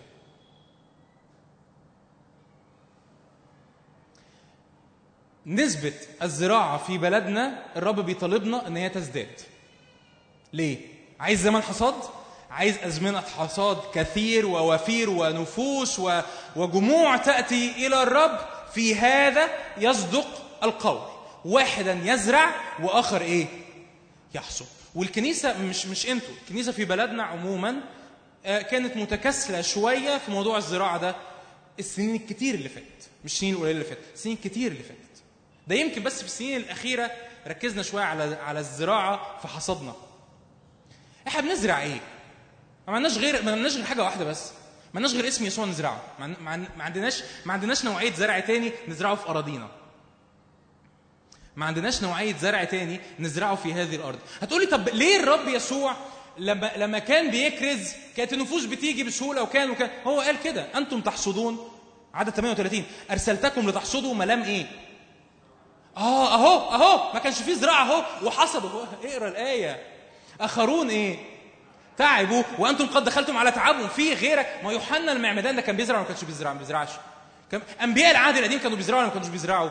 هتقولي طب ليه الكنيسة الأولى في أزمنة العهد الجديد في أعمال الرسل بطرس يقف يوعظ 3000 نفس؟ بعديها شوية 5000 رجل بعديها بشوية م- آه، ألوف تملى الكنيسة. ليه؟ لأن في زراعة اتزرعت الرب يسوع قعد يخدم في في اليهودية ثلاث سنين ونص. بيعمل إيه؟ بيزرع. كانش بيلعب كانش بيضيع وقت. بيقول كده إن خرج الزارع ليزرع. بيرمي البذار في الأرض. البذار في الأرض يقول دي هذه البذار هي كلمة الإيه؟ الملكوت. الرب يسوع قعد ثلاث سنين ونص يهيئ الأرض للتلاميذ يهيئ الأرض للكنيسة. فالكنيسة جت حصدت. حصدت ما لم تتعب فيه. مين اللي تعب فيه؟ يسوع نفسه. ثلاث سنين ونص. عايز أقول لك ببساطة؟ إحنا مح- محتاجين نزرع. إيماني إن الرب بيدعو الكنيسة لزمن جملة جديدة مش مشجعة مش حماسية. الرب بيدعو الكنيسة لزمن زراعة. ليه؟ لأن إحنا ما زرعناش كفاية. ولأنه ما زرعناش كفاية حصدنا قليل. وبنقول هو فين الحصاد؟ الرب بيدعو الكنيسة إن هي تلقي كلمات وبذار كثيرة للملكوت في الشارع. الرب بيدعونا للخروج. الرب بيدعونا إن إحنا ننادي باسم يسوع للخلاص لأنه ليس بأحد غيره الخلاص. ليس اسم آخر تحت السماء قد أعطي به ينبغي أن نخلص. جه الزمن إن إحنا ما نتكلمش كلمات طياري عن ربنا. إن إحنا نعلن هذا الاسم ايا كان هم فاهمين عنه إيه ايا كان العالم حوالينا بيقول إيه عن هذا الاسم لكن إحنا محتاجين نشبع المدينة بهذا الاسم. محتاجين نملى يقول يقول الفريسين كده يقول لهم كده أه رؤساء الكهنة أما أوصيناكم وصية ان لا تنادوا بهذا الاسم وها أنتم قد ملأتم أورشليم كلها بتعليمكم يعني إيه؟ إحنا قلنا لكم ما تنادوش بهذا الاسم. وبطرس يقول لهم إحنا ما عندناش أصلا حاجة نقولها غير هذا الاسم. وإنجاز التعبير. صوت السنطير والمزمار والناي والعود اللي في الجو بيقول لك لا تنادي بهذا الاسم. إيه ردك؟ أنا ما عنديش حاجة أقولها تاني غير هذا الاسم. هقول إيه تاني؟ هقول إيه تاني؟ لو أنا قاعد على الأرض يا بزرع يا بحصد. لو ما بعملش حاجة من الاثنين في حاجة غلط. تقول أنا بخدم. أوكي. بس أنا على الأرض في الآخر أنا لازم أشارك يا إما في زراعة الملكوت يا إما في حصاد الملكوت. أي حاجة أي حاجة أي حاجة ثالثه بره دول في حاجة غلط. ايا كان بعمل إيه؟ ايا كانت خدمتي ايا كان شكل ال- ال- الخدمة إيه. لكن في الآخر أنا بزرع وبحصد الملكوت. واقف على المنبر ماسك ميكروفون ولا بشتغل في الشارع؟ في الآخر أنا لازم ازرع الملكوت واعمل إيه؟ واحصد ملكوت. عايز انور انور كام حاجة كده. افتح معايا. هننط على كام آية كده مع بعض ونختم. أعمال ثلاثة فيقول الرب يسوع واحدا يزرع وآخر يحصد. ليه؟ علشان علشان في الآخر ليفرح. هو يقول كده ليفرح الزارع والإيه؟ فأتاري في يوم يمكن أنت تأمل الصورة يعني. يعني تأمل الصورة. عارف إن هي مش مشجعة قوي أنا بالنسبة لي مشجعة. بس تأمل الصورة. إن يمكن في يوم من الأيام أنت تزرع تزرع جيلنا يمكن يزرع يزرع يزرع يزرع يزرع كتير. وفي جيل تاني يجي يحصد أكتر بكتير قوي من اللي إحنا حصدناه. لكن في الآخر يزرع يفرح الإيه؟ الزارع والإيه؟ والحاصد معا وإحنا في زمن محتاجين ننشر كلمة الملكوت في كل مكان وموضع. افتح معايا كده أعمال ثلاثة هفتح لك كام آية كده ورا بعض. عايز أشاور لك على حاجة محددة. أعمال ثلاثة عدد 14 أو العدد 16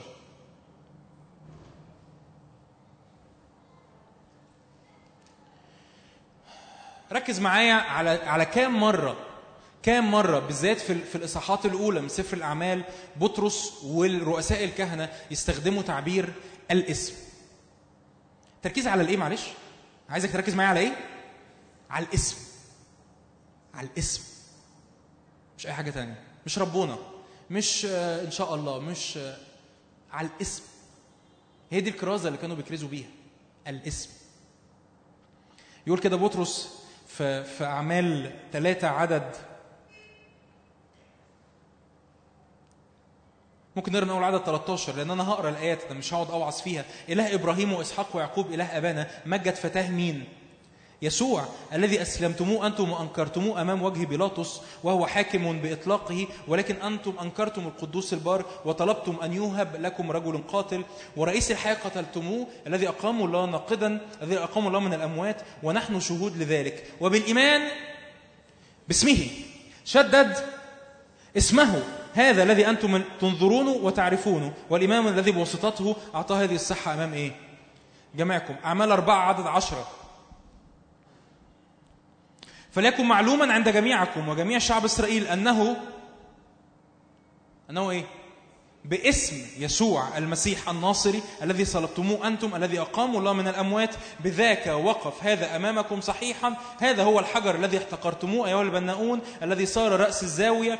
وليس بأحد غير الخلاص لأن ليس اسم آخر تحت السماء قد أعطي بين الناس به ينبغي أن نخلص. الاسم الاسم إحنا محتاجين ننادي بالاسم محتاجين نعلن هذا الاسم. ليس اسم آخر مفيش أسماء تانية. مفيش أسماء تانية. مفيش أسماء تانية. ما تقولش ربنا والسلام. مفيش أسماء تانية. ليس اسم آخر قد أعطي بين الناس به ينبغي إيه؟ أن نخلص مفيش أسماء تانية. أعمال 4 17 رؤساء الكهنة بيقولوا لكن لئلا تشيع أكثر في الشعب نهددهما تهديدا أن لا يكلم أحد من الناس فيما بعد بهذا الإيه؟ يبقى المقاومة هي على إيه؟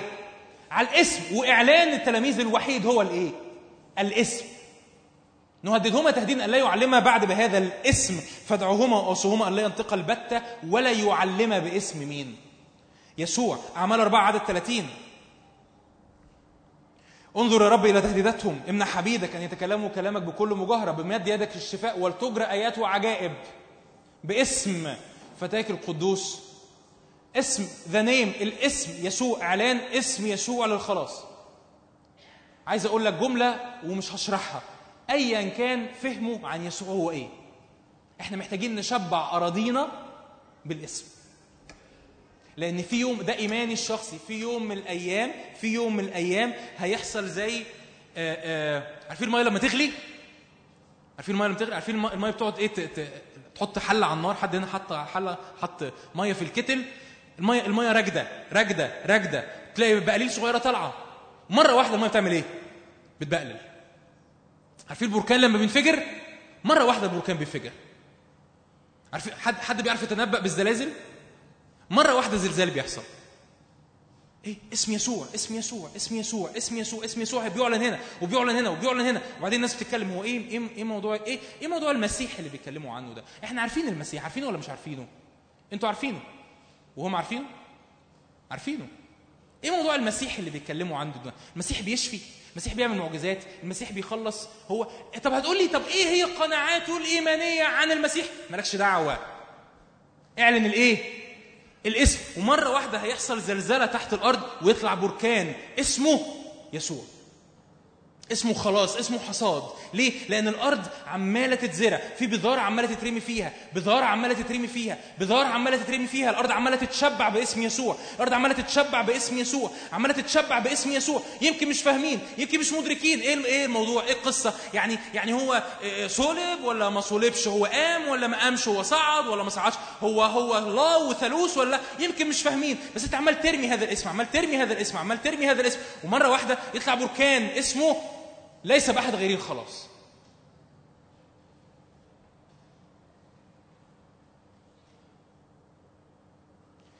أعمال خمسة ثمانية وعشرين واختم.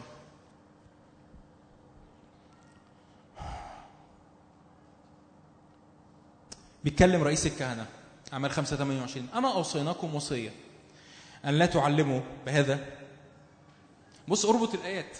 ما تعلمش بالاسم. وها أنتم قد ملأتم أورشليم بإيه؟ أتاري أتاري أورشليم اتملت بتعليم، تعليم إيه بالظبط؟ يعني إيه- ما هو التعليم؟ دراسة الكتاب في سفر إشعياء النبي. حط حط الايتين حط حط الجملتين مع بعض. ما هو التعليم؟ الاسم. ما هو تقف مع بطرس؟ ما هو لاهوتك يا بطرس اللي كنت بتكرس بيه؟ ها؟ مش بقول لك ما تدرسش لاهوت ادرس لاهوت.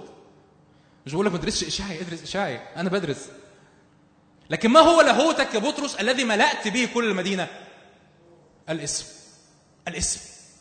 طب وال- والشرح اللاهوتي والق... كل ده مهم كل ده له وقته كل ده ليه مكانه. لكن أنت محتاج تملى الأرض تشبع الأرض بالاسم. وأرضنا محتاجة تتشبع بالاسم. ليه ليه الحصاد مش كتير؟ لأن أرضنا لم تشبع كفاية بالاسم. أما اوصيناكم وصيه أن لا تعلموا بهذا الإيه؟ الاسم ها أنتم قد ملأتم كل أورشليم بإيه؟ وتريدون أن تجلبوا علينا دم هذا الإنسان. أجاب بطرس والرسل وقالوا ينبغي أن يطاع الله أكثر من الناس. يا رب ارفع إيدك كده معايا وأنت قاعد مكان قول يا رب يا رب أنا عايز أحط الآية دي على حياتي. ينبغي أن يطاع الله أكثر من الناس. ينبغي أن يطاع الله أكثر من الناس. ينبغي أن يطاع الله أكثر من صوت الخوف أكثر أكثر من صوت العالم أكثر من صوت إبليس أكثر من صوت تهديد العدو. ينبغي أن يطاع الله أكثر من الناس. إله آبائنا أقام مين؟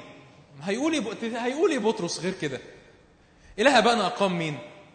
يسوع. هللويا.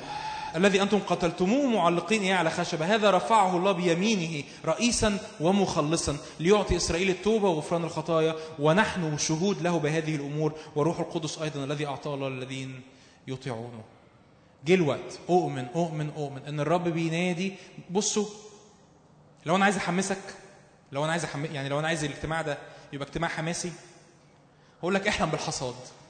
بس أنا ما يهمنيش إنه يبقى اجتماع حماسي أنا يهمني إنه يبقى اجتماع حقيقي. إحلم بالزرع. إحلم بالزرع. يعني إيه زرع هترمي بذار كتير. بعضها يقع على الطريق. الرب هو اللي قال كده الرب يسوع قال كده. بعضها يقع على الطريق. بعضها يقع في أرض محجرة. وبعضها هيقع في أرض مليانة شوك. لكن بعضها هيقع فين؟ في أرض جيدة. يمكن ما تحصدش يمكن ما تشوفش نتيجة كل بذره أنت رميتها. لكن تأكد تأكد إن في يوم من الأيام الزارع والحاصد يفرحان معا. ليه؟ لأنه في هذا يصدق القول. واحد يزرع وآخر إيه؟ وأرضنا مش بتكلم على الأقصر بس بتكلم على كل مصر بتكلم على كل الوطن العربي. أرضنا محتاجة زراعة كثيفة. أرضنا عارفين عارف- تخيل معايا المشهد كأنه واحد مزارع مش ماسك شوية بذ- ماسك شوال وعمال يرمي. بغشومية. هو هو مش ع... هو مش همه البذر جاي منين. عمال يرمي عمال يرمي عمال يرمي عمال يشبع الأرض. يسوع هنا يسوع طب هو فاهم مش فاهم مش مهم فاهم ولا مش فاهم. يسوع هنا. يسوع هنا. تتقابل مع واحد في الشارع تقول له يسوع بيحبك. تقابل مع واحد في الشارع يسوع بيحبك. آه، المسيح عايز يخلصك. المسيح عايز يشفيك. تعال صلي معاك باسم المسيح. المسيح عايز يقبلك. المسيح بيحبك. المسيح فاتح لك أحضان. طب قبل ولا ما قبلش؟ مش مهم مش مهم. إحنا دلوقتي إنجاز التعبير أنا مش هدفي. أنا مش باصص على الحصاد. أنا باصص إن المدينة كلها تمتلئ من التعليم. إن المدينة كلها تمتلئ من الإيه؟ هتفكر من الإيه؟ من الاسم. هللويا. ليه؟ لأنه في يوم من الأيام يفرح الزارع والإيه؟ والحاصد. أمين؟ تعالوا نقف مع بعض نصلي.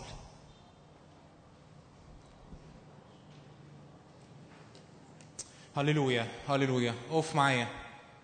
نعم يا رب أنا عايز أصلي تاني نفس الآية دي. نعم يا رب ينبغي أن يطاع الله أكثر من الناس. ينبغي أن يطاع الله أكثر من الناس. يا رب أنا أنا قبل إخواتي بعلنها على حياتي. أنا قبل إخواتي بفكر نفسي بيها. ينبغي أن يطاع الله أكثر من الناس. أنا بفكر نفسي بيها يا رب. ينبغي أن يطاع الله أكثر من المخاوف. ينبغي أن يطاع الله أكثر من البرودة الروحية. ينبغي أن يطاع الله أكثر من صوت العدو في أراضينا. ينبغي أن يطاع الله أكثر من صوت التهديد في أراضينا. يا رب أنا بفكر نفسي. فكر نفسك بالكلمات دي. غمض عينك واتكلم مع الرب. نعم يا رب. ينبغي أن يطاع الله أكثر من الناس. ينبغي أن يطاع الله في حياتي أكثر من الناس في اسم الرب يسوع. نعم يا رب ليس اسم آخر تحت السماء. مفيش أسماء. واو. اشمعنى تحت السماء؟ حد فكر قبل كده؟ لأن يسوع هو الاسم اللي انتصر فين؟ تحت السماء. يسوع هو الاسم اللي غلب تحت السماء. سهل قوي سهل قوي إنك تقول إن ربنا منتصر. ما ما- أوكي. بس إن هذا الإله هو الكلمة صار إيه؟ جسدا. يعني نزل تحت الألم زينا وانتصر برضه. ليس اسم آخر تحت السماء. قد أعطي بين الإيه؟ الناس به ينبغي أن نخلص. يا رب بنعلن اسم يسوع للخلاص. يا رب بنحب هذا الاسم بنحب هذا. أنا بحب جدا هذا الاسم. بحب كل ب... بالنسبة لي أغلى ترانيم أغلى ترانيم. تقول لي أسماء الرب في العهد القديم وكل ده أمين بقول عليه أمين وبرنمه. بس بالنسبة لي أحلى ترانيم أروع ترانيم أروع عبادة هي عن اسم مين؟ اسم مين؟ يسوع. يسوع. يسوع. ليه؟ لأن هو ده اللي أعطي اسما فوق كل إيه؟ اسم لكي تكثو باسم يسوع. كل ركبة من في السماء ومن على الأرض ومن تحت الأرض. يا رب إحنا بنكرم اسمك بنكرم اسم يسوع بنكرم اسم يسوع. ليس اسم تحت السماء قد أعطي بين الناس به ينبغي أن نخلص. نعم يا رب نؤمن نؤمن نؤمن. ولو مضايقاك قوي قول يا رب أؤمن يا رب إني أدخل في أزمنة زراعة وحصاد. لو حاسس يعني إن أنت يا رب أنا عايز أدخل في أزمنة زراعة وحصاد في أراضينا. يا رب أنا عايز أدخل في أزمنة زراعة. ما هو الزراعة لازم تبقى أنت كده حصاد اطمن اطمني. و30 و60 و100 يا رب أنا ب... أنا بصلي يا رب أراضينا تدخل في أزمنة زراعة وحصاد. يا رب أنا أنا بصلي يا رب إني أرضي أرضي تتملي بالزراعة. بالزراعة هتقول إحنا كنا بنزرع بنزرع صلوات. أقول لك ازرع صلوات استمر. لكن كيف يؤمنوا بلا كارث؟ كيف يؤمنوا بلا كارث؟ هتقول لك كنت بزرع عبادة. أقول لك ازرع عبادة استمر في العبادة. لكن كيف يؤمنوا بلا كارث. كل من يدعو باسم الرب إيه؟ يخلص يخلص يخلص. إحنا ننادي بهذا الاسم. نعم يا رب نؤمن بالصلاة ونؤمن بقوة العبادة ونؤمن بقوة رفع الإيد ونؤمن بقوة الصلوات النبوية ونؤمن بقوة التشفعات. لكن يا رب لا نترك لا نترك إعلان الاسم في الأرض. لا نترك إعلان اسم يسوع في الأرض. لأنه ينبغي أن يطاع الله أكثر من الناس. يا رب املانا املانا حط إيدك على قلبك. حط إيدك على قلبك. قول يا رب املاني بشغف جديد لخلاص النفوس. املاني بشغف جديد لخلاص النفوس. املاني بجوع وعطش لخلاص النفوس. املاني بجوع وعطش لطلب النفوس في اسم الرب يسوع. هللويا هللويا.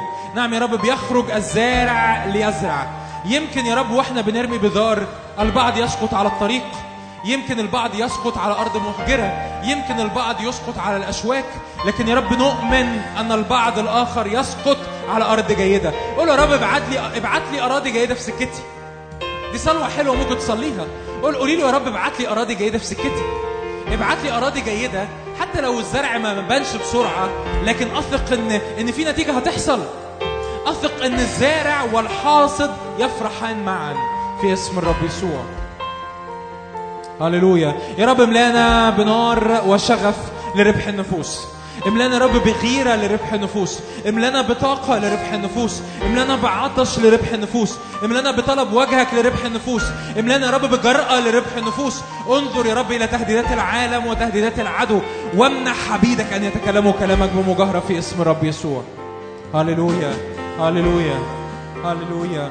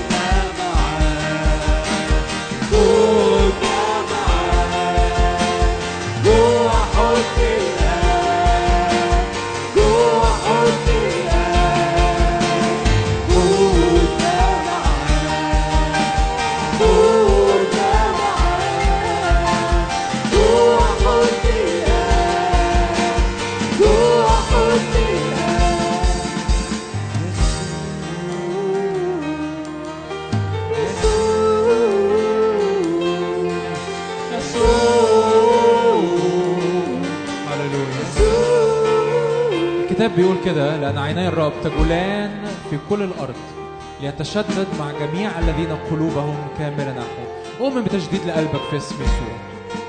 هللويا. لو انت كنت متشوش تحت غطاء بابل تحت دوشة بابل تحت صوت المزمار والناي والعود والسنطير والرباب و... وبتسجد مع اللي بيسجدوا وبيجي العدو يشتكي على حياتك ف... فبتسجد علشان تمشي الأمور. قول له نعم يا رب أنا برت بصعد فوق الجبل. بصعد فوق الجبل. نعم يا رب أنا بصعد فوق جبل الرب لأن يكون في آخر الأيام جبل بيت الرب ثابتا في رؤوس الجبال يرتفع فوق التلال في اسم الرب يسوع. قولوا نعم يا رب أشكرك لأن جبلك فوق كل الجبال. جبلك فوق كل الجبال في اسم الرب يسوع. نعم يا رب لا حياة لا حياة تحت ظلمة لا حياة تحت سقف ضباب لا حياة تحت سقف تشويش في اسم الرب يسوع. خروج من تحت كل سقف. خروج من تحت كل تشويش في اسم الرب يسوع. ارفع إيدك كده بسلطان واعلن. نعم يا رب اؤمن إني جالس مع المسيح في السماوات أقامني معه وأجلسني معه في السماوات فوق كل رياسه وسلطان واسم وكل قوة وكل اسم يسمى ليس في هذا الدهر فقط بل في المستقبل أيضا. نعم يا رب أشكرك لأنك أجلستني مع يسوع في السماويات في اسم الرب يسوع. نعم يا رب أؤمن. أؤمن بتشجيعات أؤمن بجرأة أؤمن بسكيب من الجرأة في اسم الرب يسوع. هللويا. هللويا هللويا. التلاميذ صلوا كده. قالوا امنح يا رب امنح يا رب. عبيدك أن يتكلموا كلامك بكل مجاهرة بمد يدك للشفاء. هللويا. قول يا رب نعم املأ إنائي بالجرأة. املأ إنائي بالجرأة. املأ إنائي بالجرأة. املأ إنائي بالجرأة. مفيش أي مشكلة لو في مخاوف. مفيش أي مشكلة لو في مخاوف. لكن ببساطة حط هذه المخاوف قدام الرب. قول يا رب قدام المخاوف بتاعت العدو املأ إنائي بالجرأة. محتاج تطلبها. محتاج تقول يا رب املأ إنائي بجرأة جديدة. املأ إنائي بشجاعة. املأ إنائي يا رب بثقة في اسم يسوع. املأ إنائي بمحبة لاسم يسوع. املأ إنائي بمحبة للنفوس. عايز أقول حاجة. يمكن ما قلتهاش في وسط الكلام. خدمة ال- الكرازة ايا كان بقى عايز تسميها إيه؟ خدمة الكرازة ما هيش لفئة محددة من الناس. خدمة الكرازة ما هياش لفئة محددة من المؤمنين الرب يسوع بيقول علينا كلنا بطرس يقول كده وأقامنا شهود. إحنا شهود. فاكرين مجنون كرة الجدرين اللي دكتور نادر كان بيتكلم عنه الصبح؟ اذهب واخبر بكم صنع الرب بك وايه ورحمك فما ت... ما... ما تستثنيش نفسك. ما تستثنيش نفسك من الصلوات دي.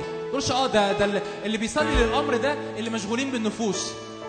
طب في علامة استفهام. هو أنا أصلا إزاي مش مشغول بالنفوس؟ طب أنا مشغول بإيه؟ لو أنا مش مشغول بالنفوس طب أنا مشغول بإيه؟ ايا كان نوع الخدمة اللي بخدمها. طب أنا بعمل اللي أنا بعمله ده عشان إيه؟ ما أنا بعمله عشان النفوس برضه. أنا بعمله عشان ملك الله يمتد فصلي معايا مرة كمان قول له يا رب املأني بالجرأة. املأني بالجرأة املأني بالجرأة. املأني بمحبة حقيقية للنفوس. املأني بتحنن حقيقي تجاه النفوس. الرب يسوع وقف في يوم من الأيام مع التلاميذ قال إني أشفق على الجمع. قول يا رب هو أنا إزاي بشوف الجموع في الشارع ولا أشفق عليهم؟ الر- الرب في العهد القديم في العهد القديم قال كده قال كده ليونان قال أفلا أشفق أنا على نينوى المدينة العظيمة التي بها ناس وبهائم كثيرة لا يعرفون يمينهم من شمالهم؟ يونان يونان اتغاظ عشان يقطينا طلعت وماتت. قال له قال له أنت متغاظ عشان يقطينا ممكن تبقى أنت موجود النهارده متغاظ عشان عندك عربية عملت حادثة. ولا متغاظ عشان مرتبك قل ولا متغاظ عشان عندك محل مش شغال كويس ولا متغاظة علشان عريس لبنتك جه والموضوع ما مشيش. ومتغاظة واقفة متغاظة قدام الرب. ربنا يقول لك كده طب انت مش عايزانا نتغاظ؟ علشان مصر الأمة العظيمة التي بها ناس وبهائم كثيرة لا يعرفون يمينهم من شمالهم. انت متغاظة علشان بدل ما ما كان جوزك بيقبض 10000 جنيه آه، بقى بيقبض 1000 جنيه. ومش عايزيننا نتغاظ عشان الناس بتموت. في حاجة غلط. في حاجة غلط في التركيبة. ربنا وبخ يونان. قال له أفلا أشفق أنا على نينوى المدينة العظيمة؟ قول يا رب أنت بتشفق. إزاي أنا لا أشفق؟ أنت بتشفق. بتشفق على الأقصر المدينة العظيمة. بتشفق على القاهرة المدينة العظيمة. بتشفق على بلدنا الأمة العظيمة. التي بها ناس وبهائم كثيرة. أنت بتشفق. إزاي أنا لا أشفق؟ انت بتبص للناس بت- بتشوفهم متألمين مجروحين متعورين. هو قال كده روح السيد الرب عليا لأبشر المساكين. يا رب تعالى امسحني. طب يمسحني ليه؟ لأبشر المساكين. يا رب تعالى املأني بجرأة جديدة املأني بمحبة جديدة للنفوس املأني برؤية جديدة للنفوس. لو انت بتتابعنا على, الفيسبوك على اللايف صلي معانا الصلوة دي. قول يا رب املأني بغيرة جديدة للنفوس. املأني يا رب بغيرة جديدة للنفوس. املأني بغيرة جديدة لخلاص النفوس. املأني يا رب بجوع حقيقي إني أرى يا رب نفوس بتخلص. ولو وانجاز التعبير ولو ما شفتهاش بتخلص. على الأقل أكون بزرع. الجيل اللي بعد يحصد. المدينة تمتلئ من اسم يسوع. المدينة تمتلئ من اسم يسوع. بلدنا تمتلئ من إعلان اسم يسوع. أمتنا العربية تمتلئ من إعلان اسم يسوع. في اسم يسوع. في اسم يسوع.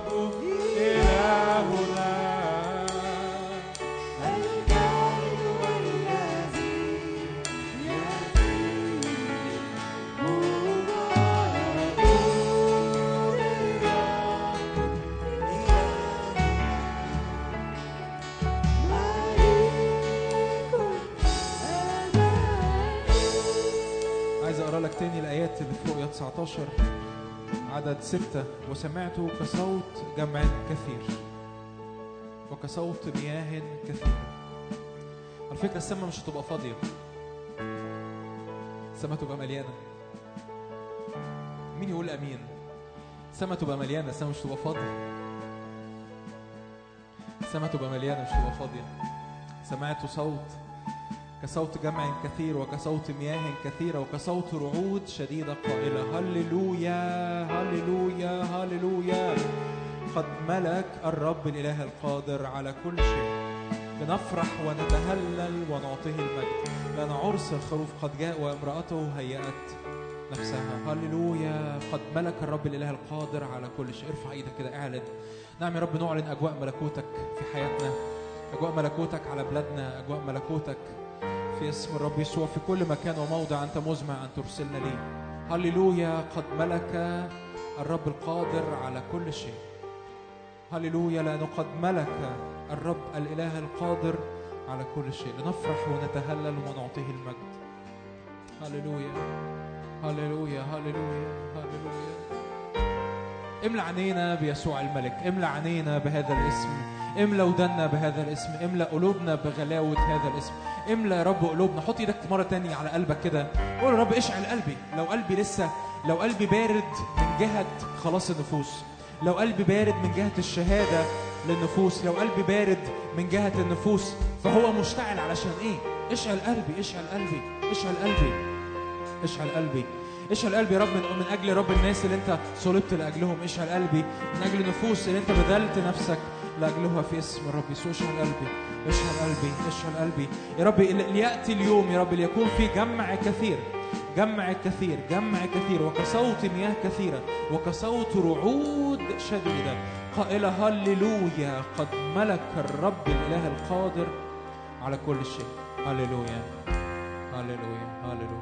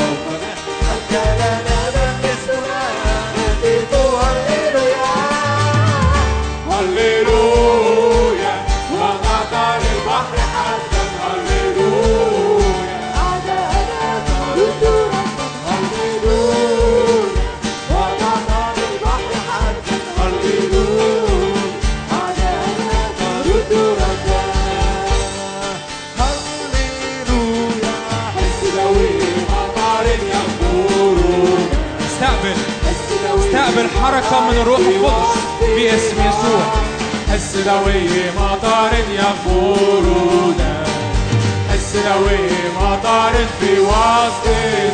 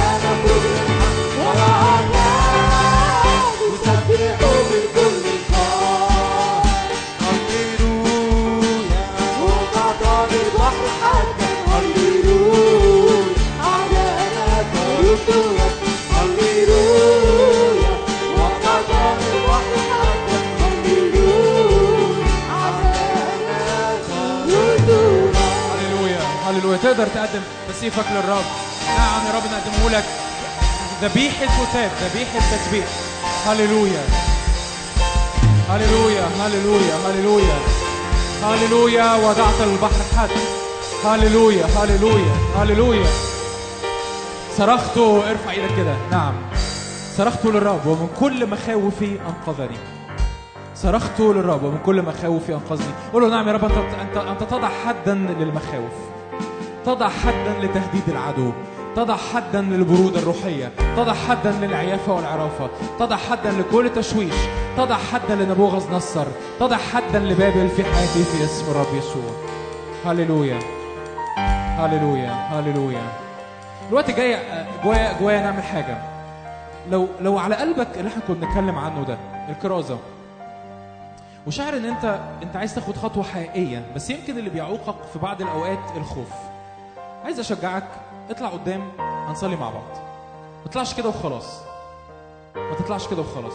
لو انت على قلبك الكرازة لو انت على قلبك ان يا رب أنا عايز اكون من المشاركين في زراعة كلمة الملكوت في أرضي. أشجعك اطلع قدام اطلع قدام هنصلي صلاة خاصة مع بعض. اسم الرب يسوع. في اسم الرب يسوع أؤمن الرب. يطلق سكيب ويطلق مسحة ليه علاقة بالجرأة مرتبط بالجرأة مرتبط بقوة الروح القدس. ما تتكسفش. لو ده على قلبك ما تتكسفش. مفيش أي حاجة تكسف في الموضوع. اطلع قدام بس مجرد كده إعلان إيمان وإعلان خطوة جديدة قدام الرب. إعلان خطوة. هتقولي طب طب يعني أنا أنا كده يعني بلتزم بحاجة قدام الرب؟ أنت مش بتلتزم بحاجة قدام حد.